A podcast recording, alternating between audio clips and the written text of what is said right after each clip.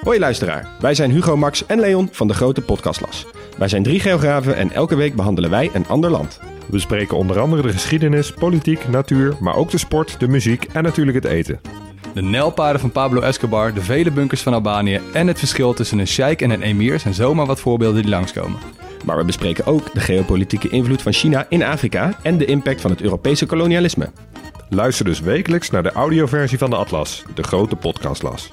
En sowieso zijn monterheid en zijn optimisme en zijn enthousiasme, dat, dat werkt heel aanstekelijk. Ja, ik werk ontzettend graag met hem samen. Hij heeft het zelf al over Rutte 4 en Rutte 5. Ja, dat moesten we zien te voorkomen natuurlijk. Waarom? nou, Dit is Betrouwbare Bronnen met Jaap Jansen.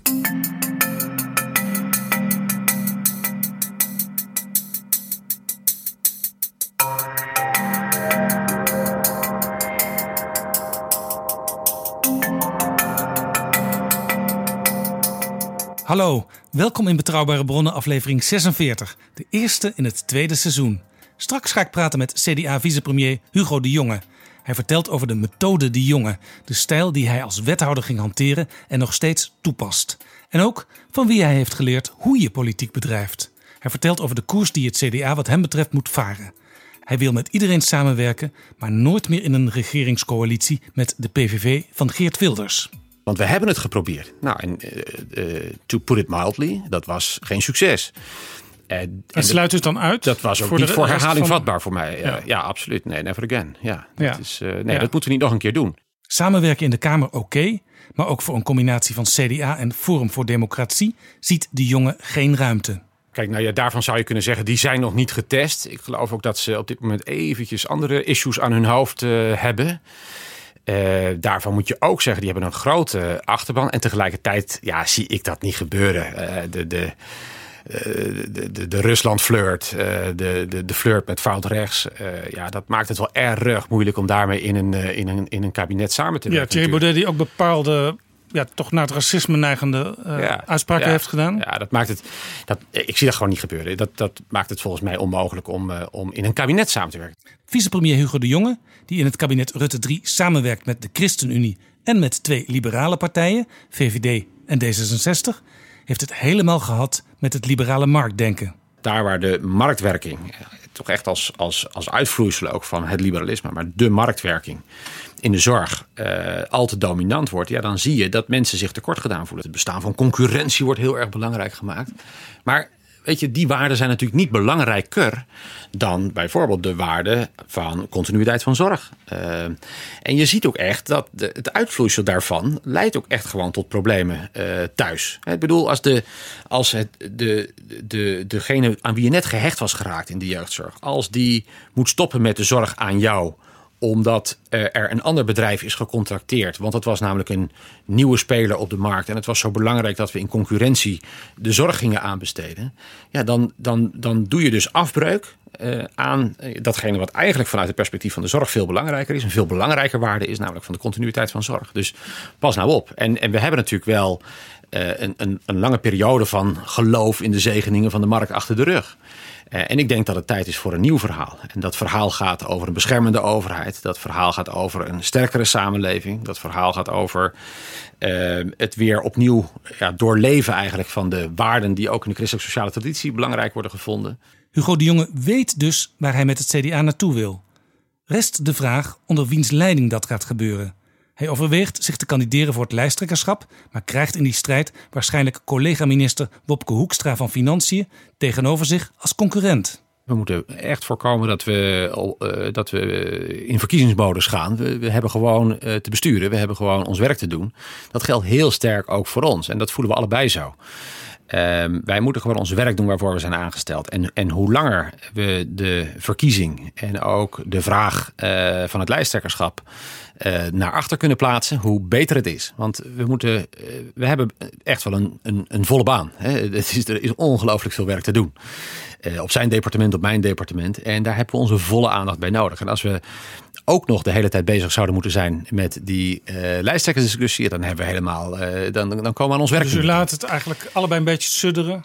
Tot het echt kijk- aan de orde komt. Ja, nou in, in zoverre. Kijk, je hebt pas gewoon heel nuchter. Je hebt pas een lijst nodig als er verkiezingen zijn. En dus hoeft de lijsttrekker ook pas dan te worden gekozen als er verkiezingen Wij zijn. moeten er zijn laat pas, komen, hè? ja, maar nou, er zijn pas verkiezingen in 2021. Dus eh, het zou heel raar zijn als we nu alle dagen bezig zouden zijn eh, met de lijsttrekkersverkiezing. En ehm, dat gaan we dus ook niet doen. En dat ben ik niet van plan. En Wopke is dat ook niet van plan. Ehm, wij gaan gewoon ons werk doen. Vicepremier Hugo de Jonge.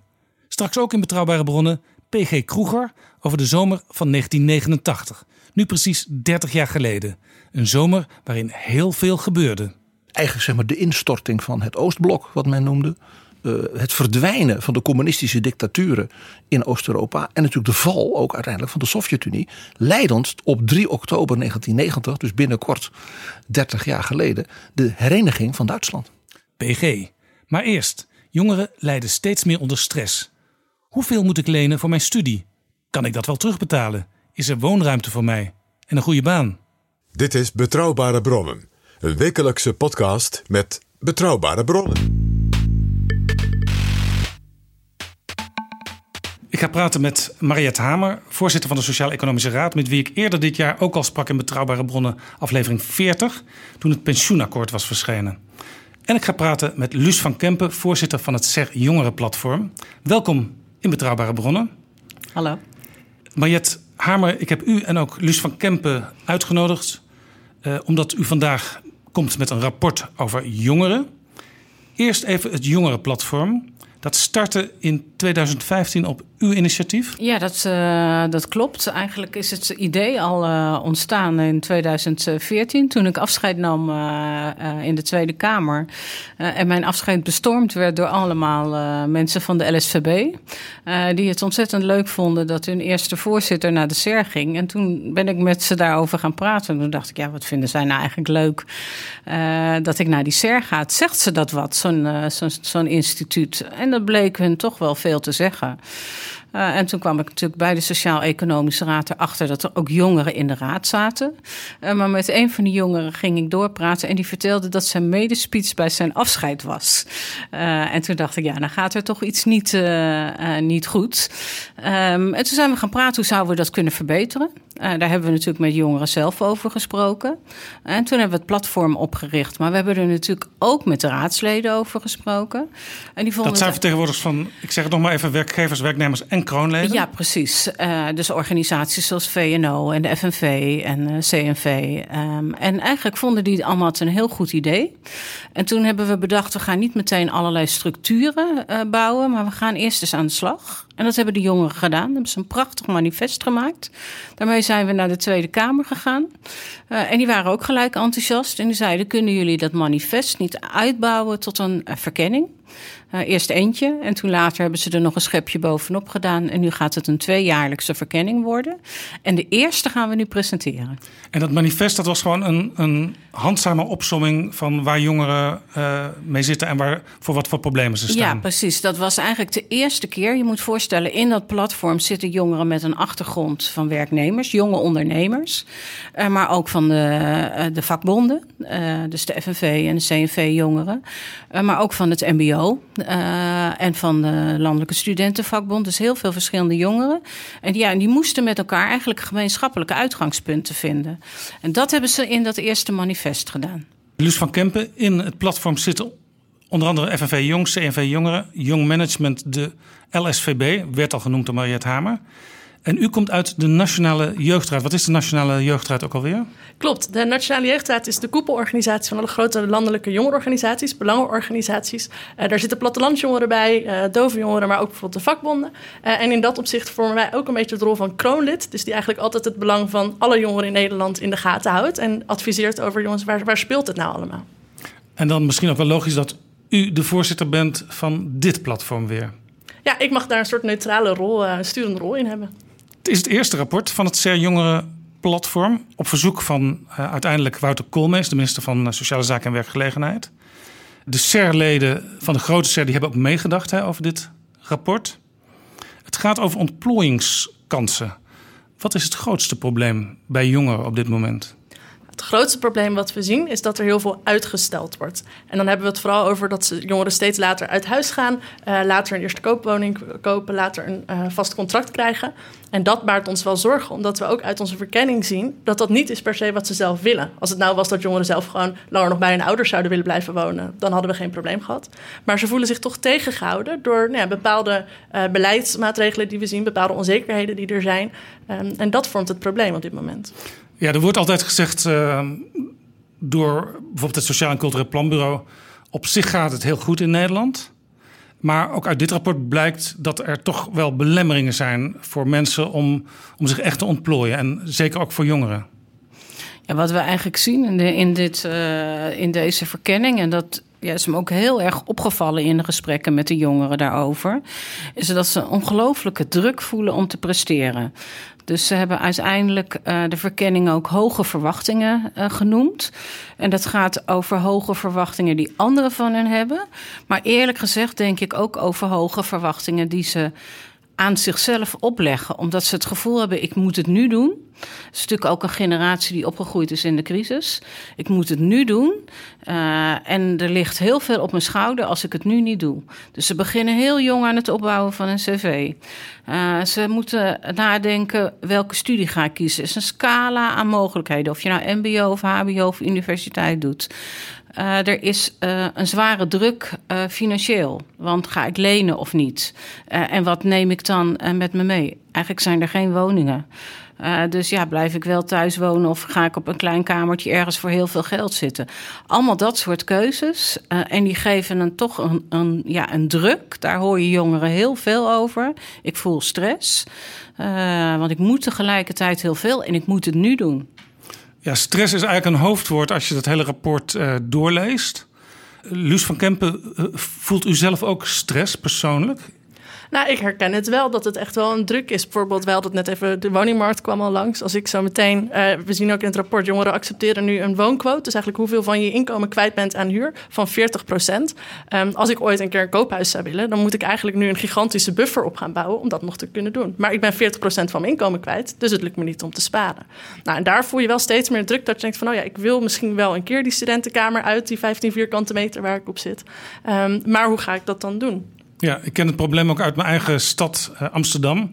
Daar is het echt onmogelijk voor jongeren om nog uh, überhaupt een huis te kopen. Maar we zien het ook breder. We zien het niet alleen in de Randstad. Het gaat ook niet alleen om kopen. Het gaat ook om een vriendin van mij uit Zuid-Limburg... die uh, thuis woont verplicht omdat er geen uh, starterswoningen gebouwd zijn. Dus zij wil wel, maar het enige wat er zijn... zijn eensgezinswoningen. Daar kom je op je 21ste of op je 24ste ook niet tussen. Dus het gaat breder dan alleen maar die studenten. Ja, en huurwoningen zijn ook schaars. Ja. Ja, je ziet eigenlijk over de hele linie dat woningen schaars uh, zijn voor jongeren. Hè. Dus kopen is moeilijk en dat maakt het leenstelsel nog eens ingewikkelder. Um, huren uh, sociaal is ontzettend lastig om ertussen te komen. Uh, en in de private sector betaal je zoveel geld, dat heb je helemaal niet. Ja, even, even een vraag, want ik las in het rapport dat als je een hypotheek wil afsluiten, dus een woning gaat kopen als jongere, dan wordt er ook gekeken naar je hele uh, leenschuld. Ja. Terwijl je die misschien al voor een deel hebt afbetaald. Ja, dus het is een hele rare regeling eigenlijk. En eerlijk gezegd ook anders dan uh, is verteld toen het leenstelsel begon. Toen werd er gezegd, nou, uh, mag niet gecontroleerd worden uh, of, je een, of je een schuld hebt. Dat is officieel ook zo. Alleen je leest in alle adviezen, ja, geef het wel op. Want anders, ja, dan leen je misschien te veel voor je hypotheek. dus dat is het ene gevaar. En het andere is dat de banken vervolgens kijken naar je hele schuld en niet naar het gedeelte wat je nog moeten aflossen. Ja, en daar zit vaak een heel groot verschil in. En dat alles bij elkaar geeft natuurlijk een heel angstig gevoel aan jongeren. Want ze denken, ja, wat, uh, ik zit nou te lenen. Dat is misschien voor nu leuk, maar straks kan ik niet wat ik wil uh, realiseren. En dat is dan het volgende wat je ziet uh, in dit advies, is dat eigenlijk alles wordt uitgesteld. en we zien dat de invoering van het leenstelsel nu al ervoor zorgt, het is nog maar drie jaar oud, dat jongeren een jaar langer uit huis gaan, later uit huis gaan dan voordat het leenstelsel was. U bent Kamerlid geweest, dus u weet ook hoe het gaat met wetten maken en wetten uitvoeren. Ik hoor u net zeggen, eigenlijk gebeuren dingen die door de wetgever niet bedoeld zijn. Dan moet daar toch onmiddellijk worden ingegrepen. Ja, maar uh, als we één sector weten waar het moeilijk op ingrijpen is, is natuurlijk de bankensector. Uh, dat heb ik in die 16 jaar Kamerlidmaatschap ook wel geleerd. Ja, en die kennen gewoon hun eigen regels. Uh, en nou ja, je hebt ook een ook onrust gehad de laatste tijd, omdat aanvankelijk was gezegd er wordt geen rente gegeven. En toen zou er wel weer rente worden gegeven. Nou, dat heeft de politiek, denk ik, gelukkig voor jongeren teruggetrokken. maar je ziet dat er heel veel onbedoelde neveneffecten aan dat leenstel zitten. Uh, ja, die eigenlijk nu allemaal boven tafel komen. Vandaar dat dat een belangrijk punt is in deze verkenning. Ja, nog, nog, even, nog even over dat leenstelsel. Want dat, dat viel me eigenlijk meteen bij het begin van het lezen van het rapport al op. Uh, Luus van Kempen. Toen het werd, werd ingevoerd, toen zeiden de partijen die het hadden bedacht. En dat waren, was een heel breed scala aan partijen: VVD, Partij van de Arbeid, D66, GroenLinks. Dat het een sociaal leenstelsel was. Uh, zo noemden ze het ook. Je kon tegen lage rente lenen, uh, oplopend naar 60.000 euro. En je kon er ook heel lang over doen om het terug te betalen. En als je het echt niet kan terugbetalen, dan zijn ze ook nog coulant. Dus ja, het klonk eigenlijk te mooi om waar te zijn. Daar zie je dan het verschil in dat het uh, beleid alleen maar vanuit die onderwijshoek wordt bekeken en alleen maar vanuit het investeren in je studie. Dat is een politieke keuze of dat je dat leenstelsel goed vindt. Maar wat we nu in het rapport zien, is dat het doorwerkt op dingen die aanvankelijk niet bedacht zijn. En daar gaat het mis. Dus het gaat niet per se alleen maar over is het het waard om in mijn eigen onderwijs te investeren. Maar het gaat er daarna over dat je daarnaast ook nog een flexcontract hebt en die woningmarkt niet opkomt. En daar gaat het eigenlijk fout. Flexcontracten, daar wordt op dit moment ook door eh, de commissie van Hans Borstlap uh, over nagedacht. Er is al een eerste rapport geweest en er komt aan het eind van het jaar uh, nog een tweede definitief rapport. Ik heb Hans Borstlap in Betrouwbare Bronnen ontvangen. En hij vertelde dat hij ook met jongeren had gesproken. Nou, het is heel fijn om te horen dat ook op dat soort vlakken er steeds meer jongeren bij betrokken worden. Um, maar ik denk dat daar ook nog wel stappen in genomen kunnen worden om dat in een tweede rapport weer te doen. En zeker nu wij met onze verkenning komen, om te zien hoe hangt dat nou weer samen. Ja, en je ziet ook wel verband. Hè? We hadden het net even over uh, dat, dat leenstelsel. Wat je er eigenlijk aan ziet, uh, want u zei zo mooi, het was bedoeld een sociaal leenstelsel. Maar je ziet als onbedoeld neveneffect dat mensen die veel verstand hebben van geld, of ouders hebben die veel verstand hebben van geld, die denken: oh, dat is eigenlijk best wel lucratief. Ga maar lenen. En ja, weet je, kom je in de problemen, betaal je het gewoon terug, maar je hebt het altijd achter de hand. Maar er is natuurlijk een grote groep die het dan niet achter de hand kan houden. En die krijgt het er benauwd van. Nou, datzelfde zien we eigenlijk op de arbeidsmarkt. Dat natuurlijk zijn er jongeren die denken: oh joh, fijn, ik neem een tijdelijk contract, want dan kan ik nog zien wat ik daarna ga doen. Maar er zijn ook een heleboel jongeren, ja, die willen helemaal niet een tijdelijk contract, maar die willen gewoon een baan. Die willen misschien wel snel uh, een gezin. Uh, in ieder geval leuk wonen met, uh, met een partner. En dat lukt eigenlijk allemaal niet, omdat ze dan vervolgens dat huis weer niet kunnen vinden. Dus het zijn eigenlijk al die terreinen in het leven die op elkaar inspelen, die een hoog mate van gevoel van onzekerheid geeft. Als je net niet dat netwerk hebt uh, wat, ja, wat achter je staat en je helpt uh, om die goede beslissingen te nemen. En een beetje onzekerheid hoort denk ik ook bij de levensfase. En dat is dus ook niet het punt wat we in het rapport maken. Maar het punt dat we maken is dat we zien dat het steeds moeilijker wordt om die stappen te zetten. En om ook misschien van de ene kant van de muur naar de andere kant te komen. Of ja. om zelfstandig ja. um, te ontgroeien waar je vandaan komt. Of een ja. betere stap te maken of het beter te hebben dan je ouders. Ja, want ik verbaas me er wel eens over als ik uh, in mijn directe omgeving jongeren aan het werk zie dat, zijn meestal, dat is meestal stage na stage. En als er dan nog geen echt werk is, dan gaan ze nog wel een stage doen. Maar dat ze daar eigenlijk al een beetje aan gewend zijn van het is nu eenmaal zo. Ja, als je vanaf je veertiende al opgroeit met alleen maar zomerbaantjes en elk jaar een andere werkgever, uh, dan zit dat in ons systeem. Volgens mij ken ik niemand van mijn vrienden meer die ook maar uh, het idee zou hebben dat je je pensioen haalt bij dezelfde werkgever. Misschien zouden ze dat wel willen, maar dat is voor ons al niet eens meer een realiteit. Nee, ik las ook in het rapport dat um, um, tot een jaar of tien geleden had je op je 24ste gemiddeld je eerste vaste baan. Nu is het 27 geworden. Ik vond het interessant, want ik had inderdaad zelf op mijn 24ste ook mijn eerste echte vaste contract. Maar wat ik, wat ik ook interessant vind aan, het rapport is dat nu dingen gecombineerd worden waar het. Uh, ja, jullie zeiden het al een beetje. Soms gezegd wordt, ja, uh, dat zijn alleen maar de studenten die dat zeggen. Of dat zijn alleen maar de werkende jongeren die dat zeggen. Of de jongeren die op zoek zijn naar een woning. Maar het wordt nu bij elkaar gebracht. En dan telt het eigenlijk op en wordt het een Ja, echt precies. probleem. Ja, en eh Luce liet net eh, tussendoor vallen de muur. Dat is bij ons een beetje een begrip eh, geworden. Want jij denkt, we hebben ze het misschien over. Die was toch ooit in Berlijn. Maar wat wij bedoelen... Het is, het is precies 30 jaar geleden Ja, op dit precies. moment dat de muur viel. Ja, precies. Ja, daarom. Maar die muur bedoelen we dus niet. Maar waar, waar wij het veel over hebben, overigens niet alleen met de jongeren, maar ook wel in de rest van de ZER, is dat we eigenlijk in toenemende mate zien dat het lijkt alsof er een onzichtbare muur, zo noem ik hem even, eh, zit eh, tussen eh, mensen, volwassenen, jongeren, die als het ware genoeg bagage mee hebben om een tegenslag op te vangen, zo noem ik het maar even, of een kans extra te benutten. Een sollicitatie te krijgen, niet omdat je een mooie brief schrijft, maar omdat ik jou bijvoorbeeld ken. eh, als ik bij eh, betrouwbare bronnen zou willen komen. Eh, terwijl aan de andere kant van die onzichtbare muur. ja, mensen zitten die dat netwerk niet hebben, die die kansen niet hebben, die niet precies weten hoe alle regels werken. En daar op een gegeven moment van denken: ja, het is mij te ingewikkeld. ik blijf zitten waar ik zit. En, en dus de groeipotentie, en dat is het mooie eigenlijk aan, aan wat ik de jongeren hoor zeggen. Die willen eigenlijk allemaal op hun niveau. En voor de ene is dat dit doen en voor de andere dat. Maar ze willen groeien. Uiteindelijk en, en een leven opbouwen. En voor de een is dat toch veel makkelijker eh, dan de ander. Terwijl we natuurlijk toe zijn naar een samenleving. En, en daar heeft iedereen het over. Daar hebben de werkgevers en werknemers hier ook over. Die zeggen, ja, je moet eigenlijk dezelfde kansen hebben. Ja, ik lees ook in het rapport dat eh, een van de effecten van die stapeling van belemmeringen is dat eh, jongeren later gaan samenwonen en ook later kinderen krijgen. En dat daar nog eens bij komt dat jonge vrouwen zich eh, soms nog extra opgejaagd voelen in dat systeem. We hebben eh, bijvoorbeeld ook met heel veel eh, starters op de arbeidsmarkt gesproken tijdens de verkenning. En daar werd echt wel dit ook als eh, probleem op tafel gelegd. Dat zei van ja, eigenlijk zou ik wel aan kinderen willen beginnen of wil ik wel een gezin starten. Ik ben er klaar voor en ik wil ook jong kinderen krijgen, maar het lukt me niet, want ja, ik zit met een los contract of we kunnen geen andere woning vinden. Ehm, en dat denkt je nu van, nou ja, oké, dan wacht je twee jaar en begin je gezin later. Maar dat is natuurlijk een besluit wat ook later weer door gaat werken. Wat het alleen maar lastiger maakt om die zelfstandigheid te krijgen en je eigen gezin op te bouwen. Er zijn dus veel problemen. Opgeteld eh, wordt het echt een groot probleem. Wat is het idee, wat is het plan van het jongerenplatform eh, eh, voor de volgende stap?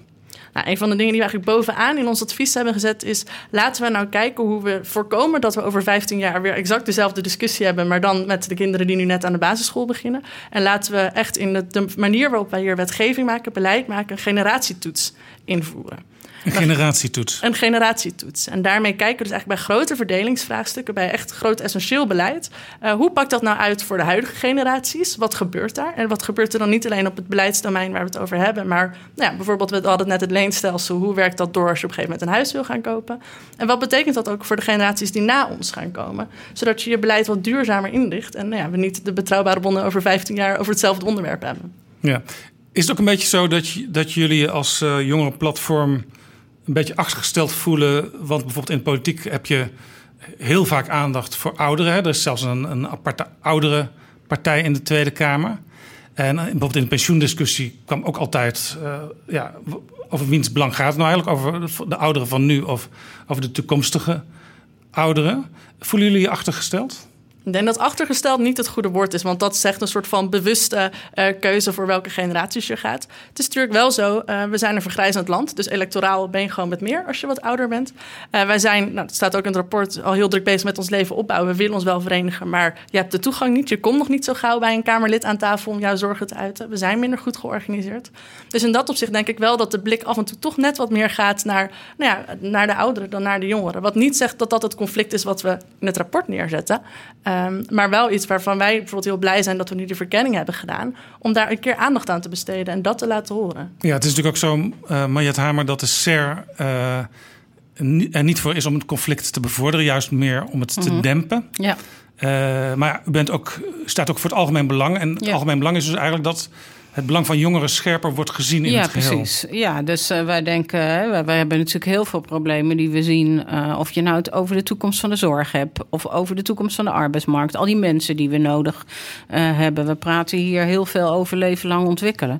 Ja, daar, dat begint natuurlijk wel uiteindelijk of de jongeren van nu, en ook nog de jongeren van straks, zal ik maar zeggen, of die goed toegerust zijn. Dus daarom vinden we het heel belangrijk ehm, om jongeren ook zelf een stem te geven. Dat is overigens wel iets wat we zeg maar, de laatste jaren sowieso bij de eh SER proberen om niet meer over groepen te praten, maar met eh, eh, groepen. Dat proberen we steeds meer in al onze adviezen te doen. Maar ik vond het wel heel belangrijk om eigenlijk de jongeren, want dus de ouderen zijn, kan ik je wel stiekem verklappen, wel jaloers dat er geen oudere platform is binnen de SER. Ehm, maar ik vond het wel belangrijk omdat het, nou ook omdat ik getriggerd was door hè, van eh, die, die, die, die voorganger van, eh, van, eh, van FNV Jong, die zei ja, bij de laatste keer mocht ik dan spreken in, in de raad. In commissies mocht hij overigens wel zijn mond open doen hoor. Maar ik dacht wel, ja, het is gewoon goed om een, een, een, volle- hè, een volwaardige stem te geven. En ik moet zeggen dat, nou ja, we gaan, we gaan vandaag dat vaststellen in de raad. Ja, dat de raad eigenlijk ook wel heel enthousiast is om dat, eh, om dat te doen. Dat er ook veel herkenning is over wat raadsleden merken bij hun kinderen of bij hun kleinkinderen. Eh, dus het gesprek erover is eigenlijk ook wel een heel boeiend eh, Ja. gesprek met elkaar. Heeft u er trouwens zelf van geleerd dat die vertegenwoordiger van FNV Jong eh, sprak pas in de laatste vergadering? Ja, nee, dat nu- u daar nu zelf is- verder voortaan op let als een Ja, nieuw lid komt, dat die meteen misschien mag spreken. Ja, maar ze zouden het nu ook niet meer durven, volgens mij, eh, om iemand zo lang te laten wachten. Eh, dus dus dat, dat gebeurt gelukkig niet meer. Maar het is, gaat ook niet om die ene stem van die ene persoon. Het gaat erom dat je met jongeren samen, en dat vind ik ook het interessante, hè, dat we hebben jonge ondernemers erin zitten, die toch echt een andere kijk op sommige dingen hebben dan de jonge vakbondsleden. En nog weer een andere kijk dan eh, bijvoorbeeld Luce eh, hè, namens alle eh, jongeren. Dat je daar het gesprek met elkaar over voert. En dan is het wel interessant om te zien dat jongeren dat weer net iets anders doen dan wat er in, in de rest van de SER gebeurt. Omdat jongeren wel, vind ik, heel erg gericht zijn om hoe kunnen we nou met elkaar een taal vinden waarin we elkaar ook, ook begrijpen. En als ik daar een voorbeeld van mag geven, we hebben het natuurlijk hier heel veel over flex. Eh, dat is zelfs een poosje een verboden woord hier geweest, want het stopte elke discussie. Maar moest je iets in de snoeppot stoppen? Of- Ja, zoiets. Ja, dus eh, dan, eh, of wel anders noemen. Maar wat jongeren nu zeiden van, ja, waar hebben we het nou eigenlijk over? Waar zijn we samen voor en waar zijn we samen tegen? En we zijn allemaal voor dat mensen genoeg flexibiliteit hebben en dat werkgevers ook met hun werknemers genoeg flexibiliteit kunnen hebben. Maar flexibilisering die uiteindelijk uitmondt in onzekerheid, ja, daar zijn we eigenlijk allemaal, ook de jonge ondernemers, niet voor. Dus dat vind ik wel mooi. Ik zit er dan zo stiekem wel eens naar te kijken van hoe dat gesprek gaat eh, tussen die jongeren. Ja, dat, dat, vind ik ook interessant. Eh, Er zitten inderdaad ook eh, jonge ondernemers in het jongerenplatform. En er moet ook onderzoek gedaan worden, schrijft u in het rapport, eh, naar problemen waar jonge ondernemers tegenaan lopen. Maar ik denk, je leest toch gewoon de quote en dan zie je hoe het gaat met jonge ondernemers. Nou, maar ik denk dat dat ook weer wat complexer daarin zit. En ehm, dat, daarom ben ik ook zo heel blij dat zij bij ons in het platform zitten. Ook om wat tegengewicht af en toe te geven. Dat ze ook zeggen van ja, er zijn steeds meer ZZP'ers. Er zijn steeds, meer jongeren die zelf een bedrijf beginnen. Dat betekent ook iets voor hoe we als maatschappij zo meteen eruit gaan zien. Dus daarom vind ik het mooi dat we daar nu ook extra aandacht voor hebben. Maar is er nog wel iets anders interessant eh, aan? Wat dit, eh, eh, deze verkenning blootlegt, is dat jongeren eigenlijk steeds jonger aan hun eigen onderneming beginnen. Nou, denk maar aan al die mensen die eh, op YouTube een eigen kanaal Ja, eh Zelfs op de middelbare school al ondernemers zijn. Precies. Dus jonger beginnen. Weliswaar er dan vaak ook weer eerder mee ophouden. En ja, waar wij geïnteresseerd in zijn, is waarom doen ze dat? Is het een uiting van zelfstandigheid? Eh, is het eh, ja, creativiteit? Waar lopen ze tegenaan? Want het is wel een interessante eh, ontwikkeling. En het geeft ook wel weer wat dit, deze verkenning ook probeert te zeggen. De jongeren zijn niet zielig in Nederland. Dat, dat beeld willen we niet neerzetten. Uh, maar ze willen juist hun, hè, vandaar die hoge verwachtingen, ze willen hun kansen grijpen. En hoe kunnen we nou eigenlijk met z'n allen uh, zorgen dat ze die kansen ook kunnen grijpen? Ik lees in het rapport, uh, na een aantal onderwerpen moet vervolgonderzoek gedaan worden. Eh, dat is dus eigenlijk een verzoek ook aan anderen, maar het platform gaat zelf ook verder onderzoek doen. Een van de dingen die we nog niet genoemd hebben is bijvoorbeeld kansongelijkheid en discriminatie onder jongeren. Ehm, een van de meest concrete dingen, we hadden het er in het begin al, is dat sociale leenstelsel. Daar valt mij op dat in de politiek inmiddels een discussie is ontstaan. Van ja, moeten we wel op deze manier daarmee doorgaan? Er is zelfs een Kamerlid van GroenLinks een soort slachtoffer van die discussie geworden Ja. en opgestapt. Ondertussen zegt GroenLinks wel, we willen het gaan veranderen in de nabije toekomst. Eh, partijen als CDA en de ChristenUnie die bonken echt op de deur van er moet iets gebeuren. Maar ja, er is nu eenmaal nu een regeerakkoord en dat wordt waarschijnlijk nog een jaar of twee verder uitgevoerd. Ehm, is dit ook voor u, eh Luus van Kempen, het, de, de, de eerste prioriteit van al die punten die nog, waar nog iets moet gebeuren? Nou, ik denk dat het wel een van de meest concrete en belangrijke prioriteiten is om nu mee aan de slag te gaan. Ook wat u al aangeeft, er is daar nu politiek een discussie over. En ik denk dat het ook heel belangrijk is dat we daar als jongeren zelf naar gaan kijken van wat vinden wij daar dan belangrijk. En eh, nou, misschien ook als Jongerenplatform daar een eh, bijdrage aan kunnen doen van hoe zou dat er dan wel uit komen te zien. Want ja, ook zomaar het leenstelsel nu afschaffen zonder dat er iets nieuws is, is natuurlijk ook niet eh mooi. Maar we zouden dat direct aan kunnen pakken om een keer op een andere manier dat beleid vorm te geven. Maar Jet Hamer, er zijn eh, in het recente verleden al twee eh SER-adviezen geweest over bijvoorbeeld de combinatie eh, werken, leren en zorgen en over voorzieningen eh, als je jonge kinderen hebt. Is ook natuurlijk een, een punt voor jongeren. Eh 2016 kwamen die adviezen. Ja. Die adviezen zijn nog niet uitgevoerd. Stukjes. Dus eh, als het gaat om eh, al het beleid rondom je, om het jonge kind, zal ik maar zeggen. Eh, dus kinderopvang, maar ook voor, eh, voor- en vroegschoolse educatie. Dan worden er maar hele kleine stukjes steeds bij elkaar eh, gelegd. Dus er zijn wel stukjes uitgevoerd, maar naar ons idee veel te weinig. Eh, en ik vond het zelf wel boeiend om te zien dat eh, juist de, de toekomstige moeders en vaders, vergeet de vaders niet, zeggen ja, dat is voor ons ook echt een heel belangrijk punt. Want ook met dat uitstellen maar, ja, dat is ook weer een reden om uit te stellen. Terwijl, ja, waarom zou je er niet vroeg aan be- beginnen? Eh, dat is ook trouwens goed voor de hele samenleving als we jonge kinderen erbij eh, krijgen. Maar je ziet toch veel uitstelgedrag ook op dat punt. Dus ik vond het wel mooi dat dat eh, advies ja, nog weer eens even goed neer wordt gelegd. Omdat wij toen ook geprobeerd hebben om een totaalverhaal te maken. En natuurlijk helpt het als je uit een totaalverhaal stukjes doet. Maar het is toch mooier als je een totale verhaal En je moet ook blijven herhalen en op, op bepaalde dingen blijven hameren om uiteindelijk effect Ja, precies. Ja, en dan is het ook wel goed als je dat vanuit verschillende perspectieven eh, kunt doen. Binnenkort is Prinsjesdag. Verlangt u eigenlijk van het kabinet dat ze meteen al wat toezeggingen doen in uw richting? Nou, het zou in ieder geval heel mooi zijn als er een paar subtiele verwijzingen eh, in staan. We zijn natuurlijk hard mee bezig geweest. En ik heb het gevoel dat daar ook wel wat, eh, wat moois uit gaat komen. Dus zelfs hier zit misschien nog een, een geheimpje aan te komen. Wat ze altijd rond die Prinsjesdagstukken doen vanuit het kabinet. We hebben nog twee weken toch tot Prinsjesdag? Ja. Tot We slot. gaan in ieder geval heel snel dit eh, rapport presenteren in de Tweede Kamer. Daar hebben we afspraken eh, over gemaakt. Ze wilden het namelijk ook zelf graag, Mhm. eh, graag hebben. Eh, daarom hebben de jongeren de hele zomer doorgewerkt. Dus ik denk toch ook wel goed om, eh, om te vermelden. Eh, en eh, ja, we hopen natuurlijk dat de Kamer die zegt... we vinden het zo belangrijk, hè, hebben ze ook tegen mij gezegd... eh, zo belangrijk, oude instituties, jonge mensen erbij. Ja, nu moeten ze zelf dus ook eh, eh, gaan eh, leveren, zou ik zeggen. En echt ermee aan de slag te gaan. Ja. Eh Luus van Kempen, tot slot.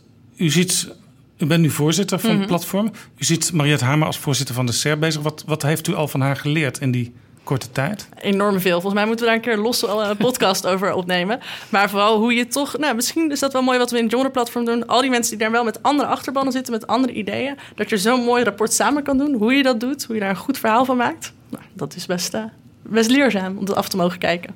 Maar het is ook omgekeerd. Dus ik leer ook weer zelf van eh, ja, de manier waarop jongeren met elkaar bezig zijn. De manier waarop ze kijken. En soms is het ook gewoon wel leuk als je denkt... nou, ik heb zelf ook een dochter en dan kijk je om je omgeving... en dan denk je, zou dat nou kloppen? Of zit ik dat nou erin te leggen? Want dat kan ook, dat ik met een bepaalde bril kijk. En dan is het ook wel goed als je op een gegeven moment op hun eigen manier... eh, jongeren hoort verwoorden van, eh, ja, waarvan wij hier al een poosje dachten. eh, dat, is, dat is gaande. Dus dat is, ja, vind ik er zelf ook wel boeiend aan. Dank u wel voor het gesprek. En Mariette Hamer trouwens nog gefeliciteerd. Oké. Was ik jarig? Nou, u bent binnenkort vijf pas. jaar voorzitter van de Oh, daarmee. Ja, 10 september. zeker. Ja. En nog even, en de SER bestaat 70 jaar. Ja, precies. En daar gaan we het komend jaar heel veel aandacht aan besteden. We beginnen op 11 oktober met een open dag. Wil ik iedereen voor uitnodigen. Dan zetten we de deuren open. Want we horen zo vaak wat gebeurt er nou eigenlijk bij de SER. Dus dat gaan we laten zien. Dan gaan Luce natuurlijk ook eh, met de jongerenplatform eh, presenteren. Eh, en dan de rest van het jaar gaan we hopelijk ook een heleboel dingen doen. Dank u wel voor het gesprek en allebei heel veel succes met het rapport. Dankjewel.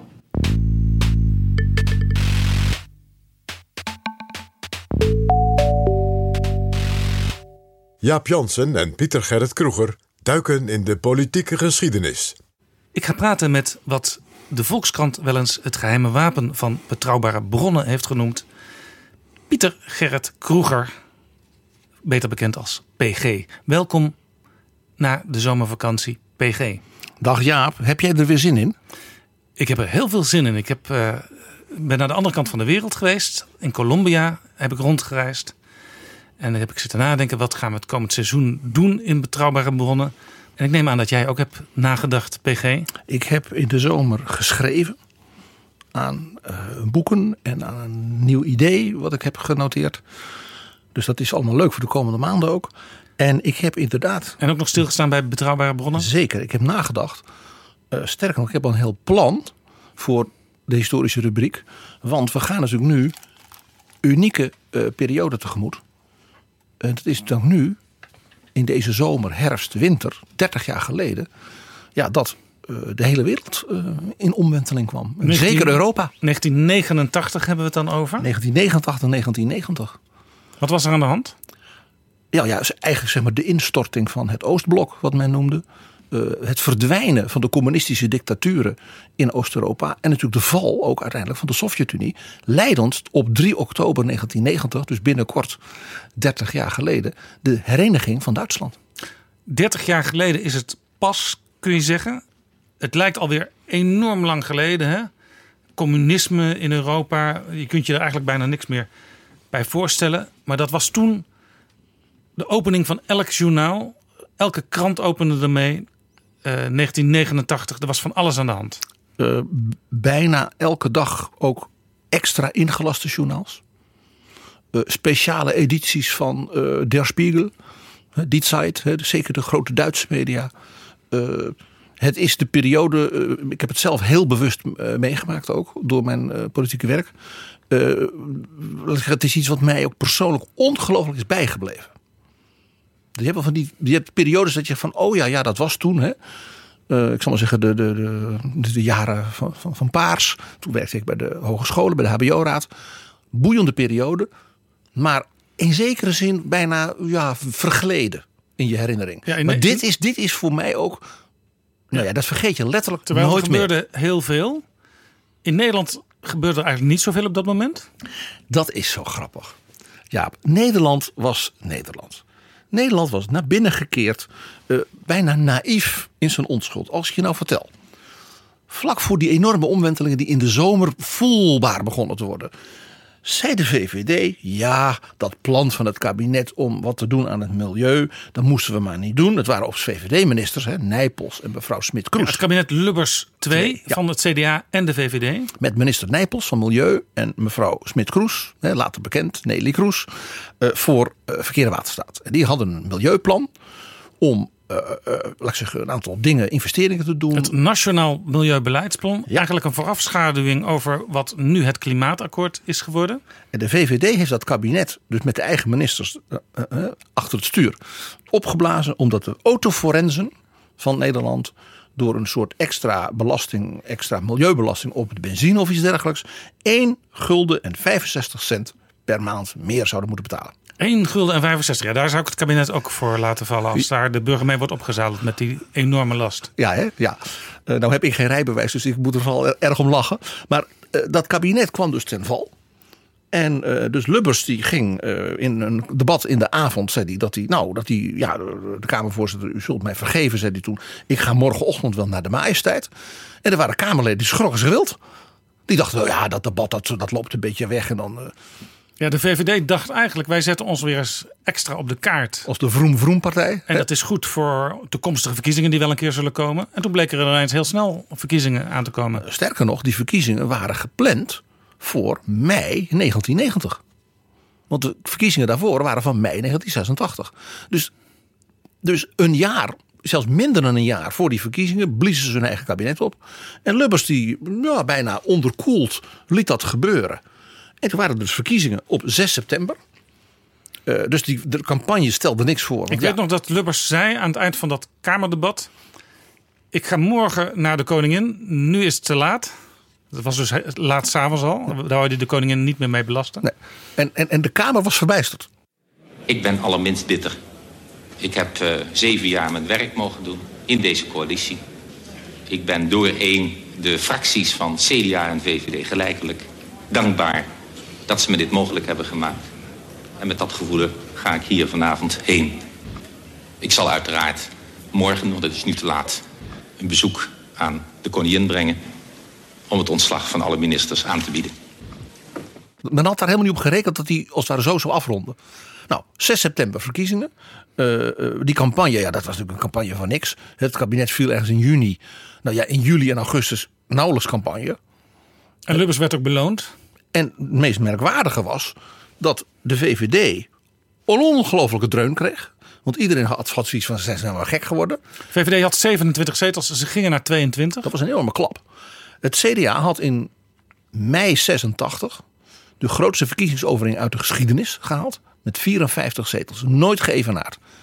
De avond van die 6 september, ik weet dat nog heel goed, in Pulgri Studio, op Lange Verhout.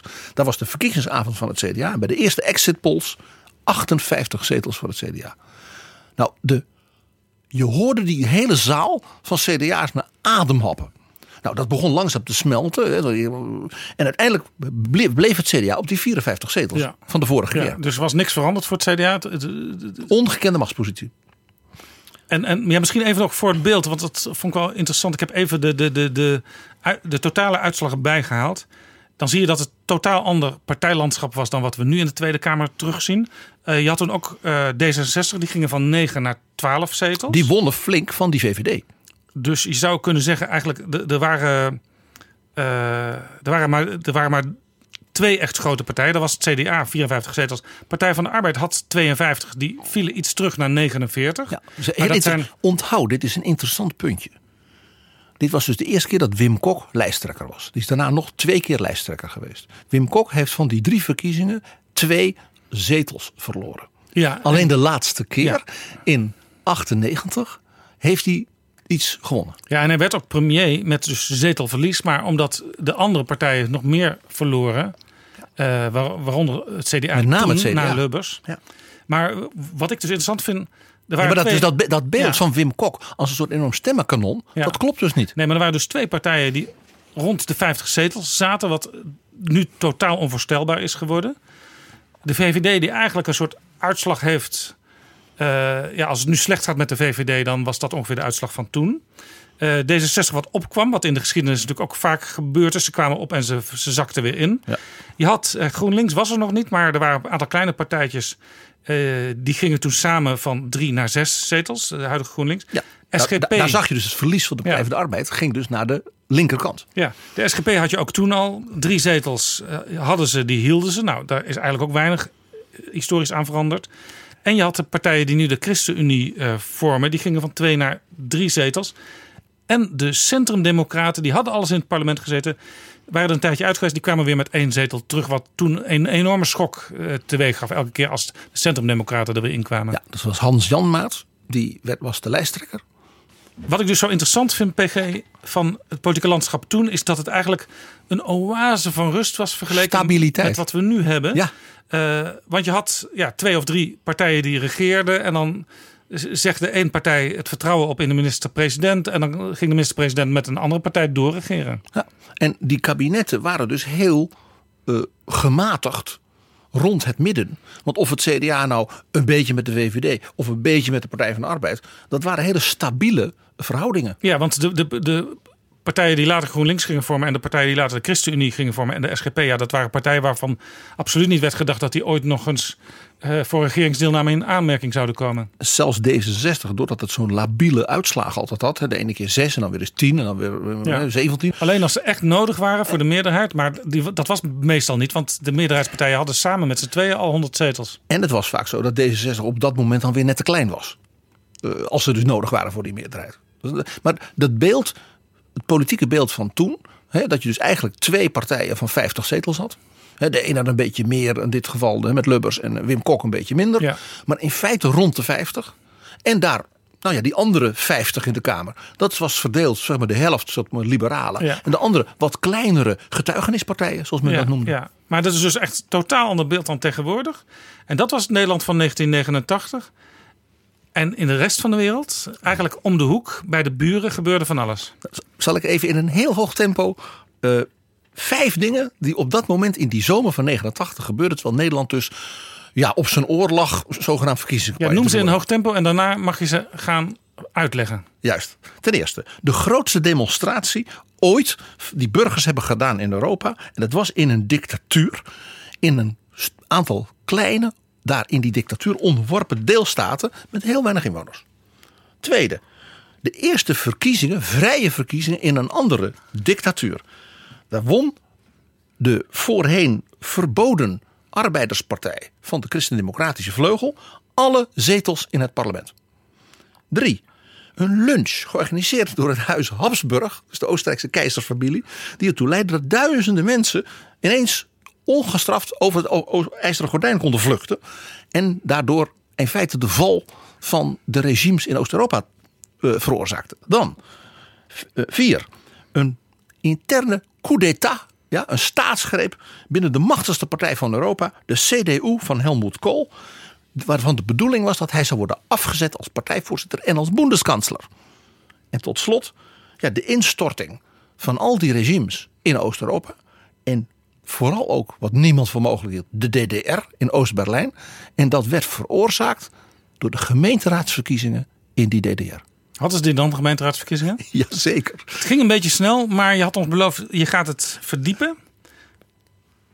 Verkiezingen in de DDR. Vertel daar eens wat over. Je, je hebt zo'n gevoel, bij Ulbricht en Honecker had je toch geen verkiezingen? Nou, sterker nog, die waren er wel degelijk. Eh, je had zelfs allemaal verschillende partijen. Je had niet alleen dus de communistische partij, de SED, de Socialistische Einheitspartij Duitsland. Maar je had ook nog de Liberaal-Democratische Partij. Je had de Christendemocratische Unie. Dus Oost-Duitsland Ja. had een CDU. Boerenpartij ook nog? Een boerenpartij en een nationale partij. En dat was eigenlijk een partij voor de vroegere naties. En die vormden samen het Nationaal Front. En die hadden dan één lijst. Dus je kon als kiezer maar op één lijst stemmen. Dat was die van het Nationaal Front. Dus dan gaf je een stem. En dan had je dus alle kandidaten van het Nationaal Front meteen gestemd. Dus die verkiezingen gingen als volgt. Dat was een volksfeest. Dus mensen gingen met, met fanfaremuziek en socialistische strijdliederen. Wandelden ze als alle mensen uit een fabriek of een school of een ziekenhuis. Naar het, de stembus. Gaven daar publiekelijk hun stem aan het Nationaal Front. En zo, zo wa- wa- waren de vrije verkiezingen. Want iedereen was blij. En het socialisme overwon. Dus je had de lijst van het Nationaal Front. En die, die, hè, die, die werden ook wel de blokpartijen genoemd. En dus de CDU, die bestond echt in de DDR. eh, Die worden, werden dus spotteld door de CDU in West-Duitsland de blokfluiten genoemd. Want die floten mee met het socialisme. Ja. Die blokfluiten.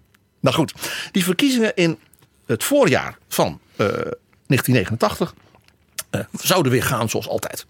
Dus het eh, politbureau gaf elke burgemeester en eh, deelraadvoorzitter van elke stad en dorp gewoon een quotum mee van de hoeveelheid stemmen die hij gewoon moest regelen voor het Nationaal Front.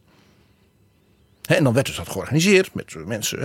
Hè, dus werden, mensen werden echt gewoon gedwongen, zogenaamd feestelijk, om met z'n allen collectief te gaan stemmen. Dus er was geen individueel stemrecht, eigenlijk. Door de ontwikkelingen in de Sovjet-Unie, denk Gorbachev die met glasnost en perestroika, dus opening, vernieuwing, en vooral onder invloed van wat er in Polen gebeurde, met de vrije vakbond Solidariteit. En, en de, eh, paus, paus Johannes Paulus II, de Poolse paus, die dus dat Ja. vrijheid in Polen aan- Karel Wojtyla. Karel Wojtyła, ja. Was er dus in Oost-Duitsland vanuit de kerken, vanuit de universiteiten, de jongeren, eh, alle intellectuele schrijvers, die zeiden: wij moeten ook glasnost dus opening in de DDR hebben. Wij willen vrij kunnen kiezen, net als de Polen. Nou, dat was voor het regime natuurlijk volstrekt ondenkbaar. Uh, maar ja, het regime heeft dus die verkiezingen opnieuw zo georganiseerd als altijd. En een heleboel burgers hebben gewoon gezegd: Nou, wij gaan niet mee met die optocht, met die fanfare. Ik ga gewoon individueel, ik vraag een stembiljet. En toen moest er geteld worden. En toen waren er dus dorpen en wijken, bijvoorbeeld intellectuele buurten in Berlijn, waar 40% gewoon dus zeg maar of vals had gestemd of tegen de kandidaten van het regime. Dus er was wel een soort, soort besef bij het regime van ja, als mensen individueel een stembiljet vragen, dan moeten we dat ook geven. Officieel volgens het stemrecht was dat zo. Dat werd natuurlijk door dat collectivistische natuurlijk nooit gevraagd. Als je dat vroeg, was je natuurlijk eigenlijk alle vijand. Ja, het was een soort van uh, gedicteerde vanzelfsprekendheid dat je collectief stemde. Juist. Nou, dus wat gebeurde er? Die stemmen moesten worden geteld. En die, de echte uitslag is dus wel gerapporteerd aan het regime. En dat was dus chockerend. Er waren dus dorpen waar 40% zeg maar, niet op de partij had gestemd. Of op het Nationaal Front. En bepaalde buurten in Berlijn waar veel studenten woonden. Maar ja, die avond werd natuurlijk de officiële verklaring afgegeven. Dat het volk had gestemd. En 99,6% zoiets van de kiezers had gestemd op het Nationaal Front. Dat klopt, dat klopt dus sowieso al niet. Iedere burger in de DDR wist dat dat niet waar kon zijn. Nee. Want die hadden dat gezien in hun buurt, in hun bedrijf, collega's, mensen van hun school. Want anders zou toevallig jouw buurt of jouw bedrijf de enige uitzondering in het hele land zijn. Exact. Dus één ding was duidelijk: er was sprake van stelselmatig kiezersbedrog. Letterlijk. Men had gesjoemeld met de uitslag. Dat was natuurlijk fataal voor de geloofwaardigheid van het regime. Toen ontplofte dat intern. Er kwamen dus demonstraties. gingen mensen die eisten dus de echte uitslag. Uh, ook binnen de communistische partij en dus die blokfluitenpartijen begonnen te, te gisten. Uh, nou, uh, ja, wij willen ook glasnost. En als het in Polen mag, waarom dan bij ons niet? Je, kent dat wel. Nou, er werd een zeer krachtige repressie uh, doorgevoerd door de staatszekerheid, he, de beruchte Stasi.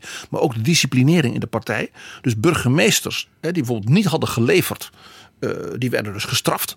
Want er waren misschien wel een paar burgemeesters die gewoon de echte uitslag hebben gepubliceerd. Nou ja, dat, dat ging natuurlijk rondzingen. Er waren burgemeesters die het eigenlijk wel eens waren met hun burgers. Die deden mee met ja, de rebellie in de partij, om maar zo te zeggen. Nou, dus hele harde maatregelen zijn ertoe genomen. Maar het werd niet meer stil zoals vroeger. En dat had een reden. En daar gaan we dus waarschijnlijk in de komende weken in Betrouwbare Bronnen ook al een keer over hebben. Want op datzelfde moment werd één ding voorbereid. Groots in de DDR de viering van 40 jaar bestaan van de Socialistische Republiek. En daar zouden alle communistische leiders uit de hele wereld, Kim Il-sung, Fidel Castro, natuurlijk Gorbachev, de baas van het Kremlin, die zouden allemaal komen om dus de DDR te vieren. En als ik me herinner, maar dat gaan we nog na als we daar in een van de komende afleveringen diep op ingaan, is vanuit Nederland zelfs uh, de grote communistische leider Ina Brouwer afgevaardigd. Zo zie je maar.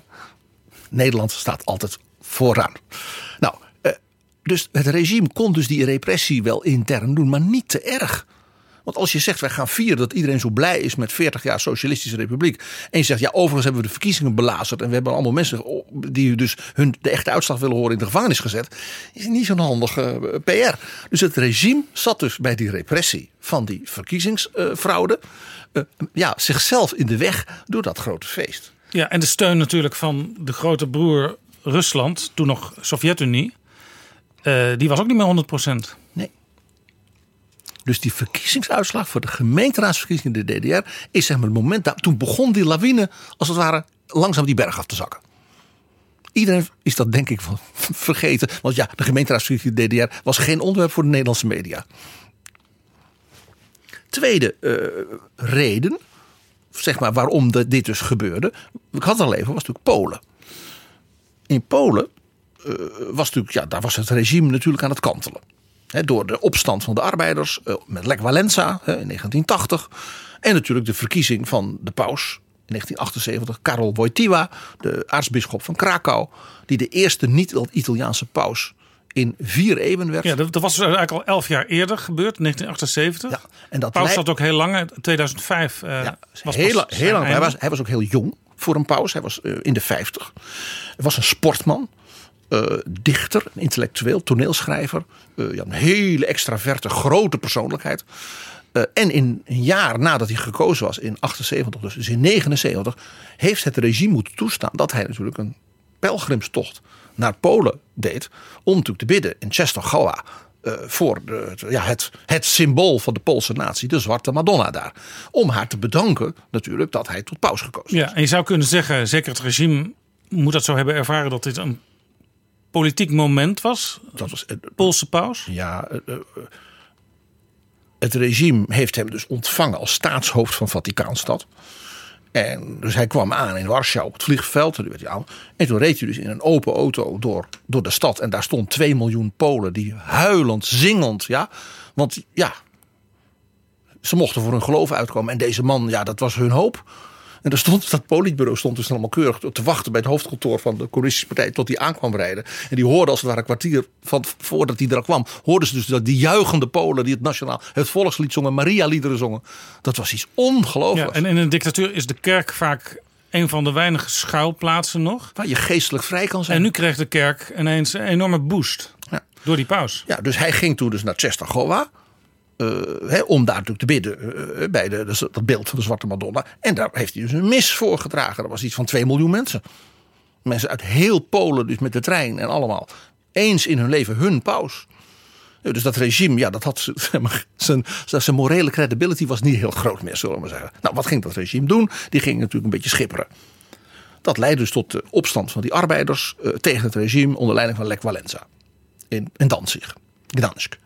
Die, hebben dus die, die hebben dus toen die eh, vakbond opgericht, Solidarność, solidariteit. Een, een echt begrip uit de katholieke sociale leer natuurlijk. Ja, maar ook uit het communisme. Dus dat maakt het zo mooi. hè. Een vakbond die Solidariteit heet.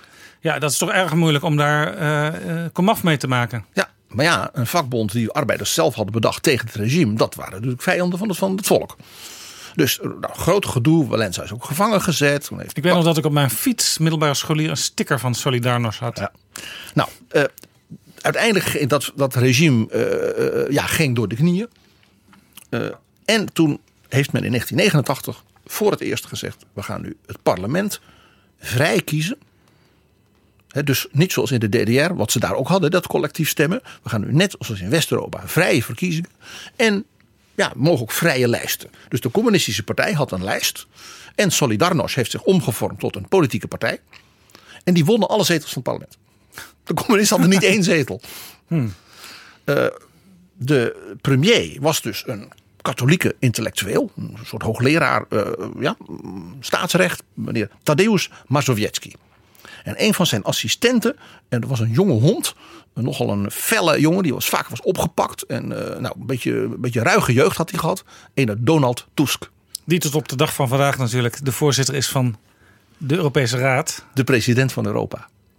Zeker. was dus toen een activist in de kerken, in de jeugdbewegingen, de studenten die ze regelmatig op zijn, op zijn, nou ja, eh, En misschien klap op zijn kop kreeg. binnenkort rond voor Donald Tusk. Want eh, hij speelt met plannen om ook nationaal weer een rol op te gaan pakken als hij terug is. Hij is natuurlijk ook premier geweest voor die partij van Solidarność.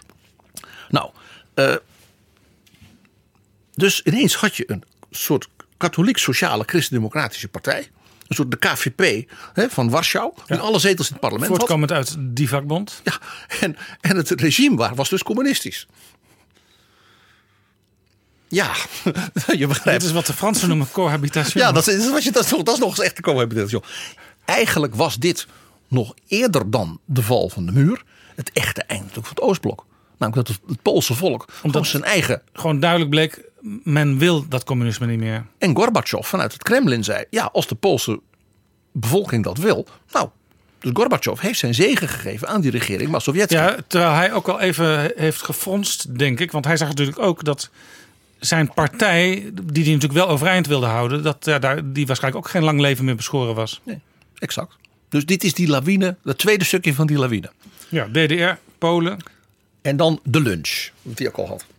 Je weet, dat is uh, uh, maandag 19 augustus, dus heel recent. Uh, bijna twee weken geleden. Hè, was Angela Merkel op bezoek aan de grens van Oostenrijk en Hongarije. Ja. En wie was daar ook? Viktor Orbán. De premier van Hongarije. Dan denk je, waarom? Die hebben daar samen echt feestelijk de lunch ja. herdacht. Even voor de helderheid. Ja, het is overbodig om te zeggen eigenlijk. Maar Viktor Orbán is nu natuurlijk uh, het zwarte schaap van de Europese Unie. Uh, in zijn land Hongarije uh, is hij de kwade genius achter het afschaffen van allerlei democratische en rechtsstatelijke gewoonten. Rechters worden met pensioen gestuurd, eigenlijk omdat ze de verkeerde opvattingen hebben. Eh, media worden gemuilkorfd. Nou, ja, er zijn tal van voorbeelden te. Ehm, toch. Angela Merkel staat eigenlijk altijd aan de andere kant in die discussie. En nu stonden ze samen, Samen te eh, vieren.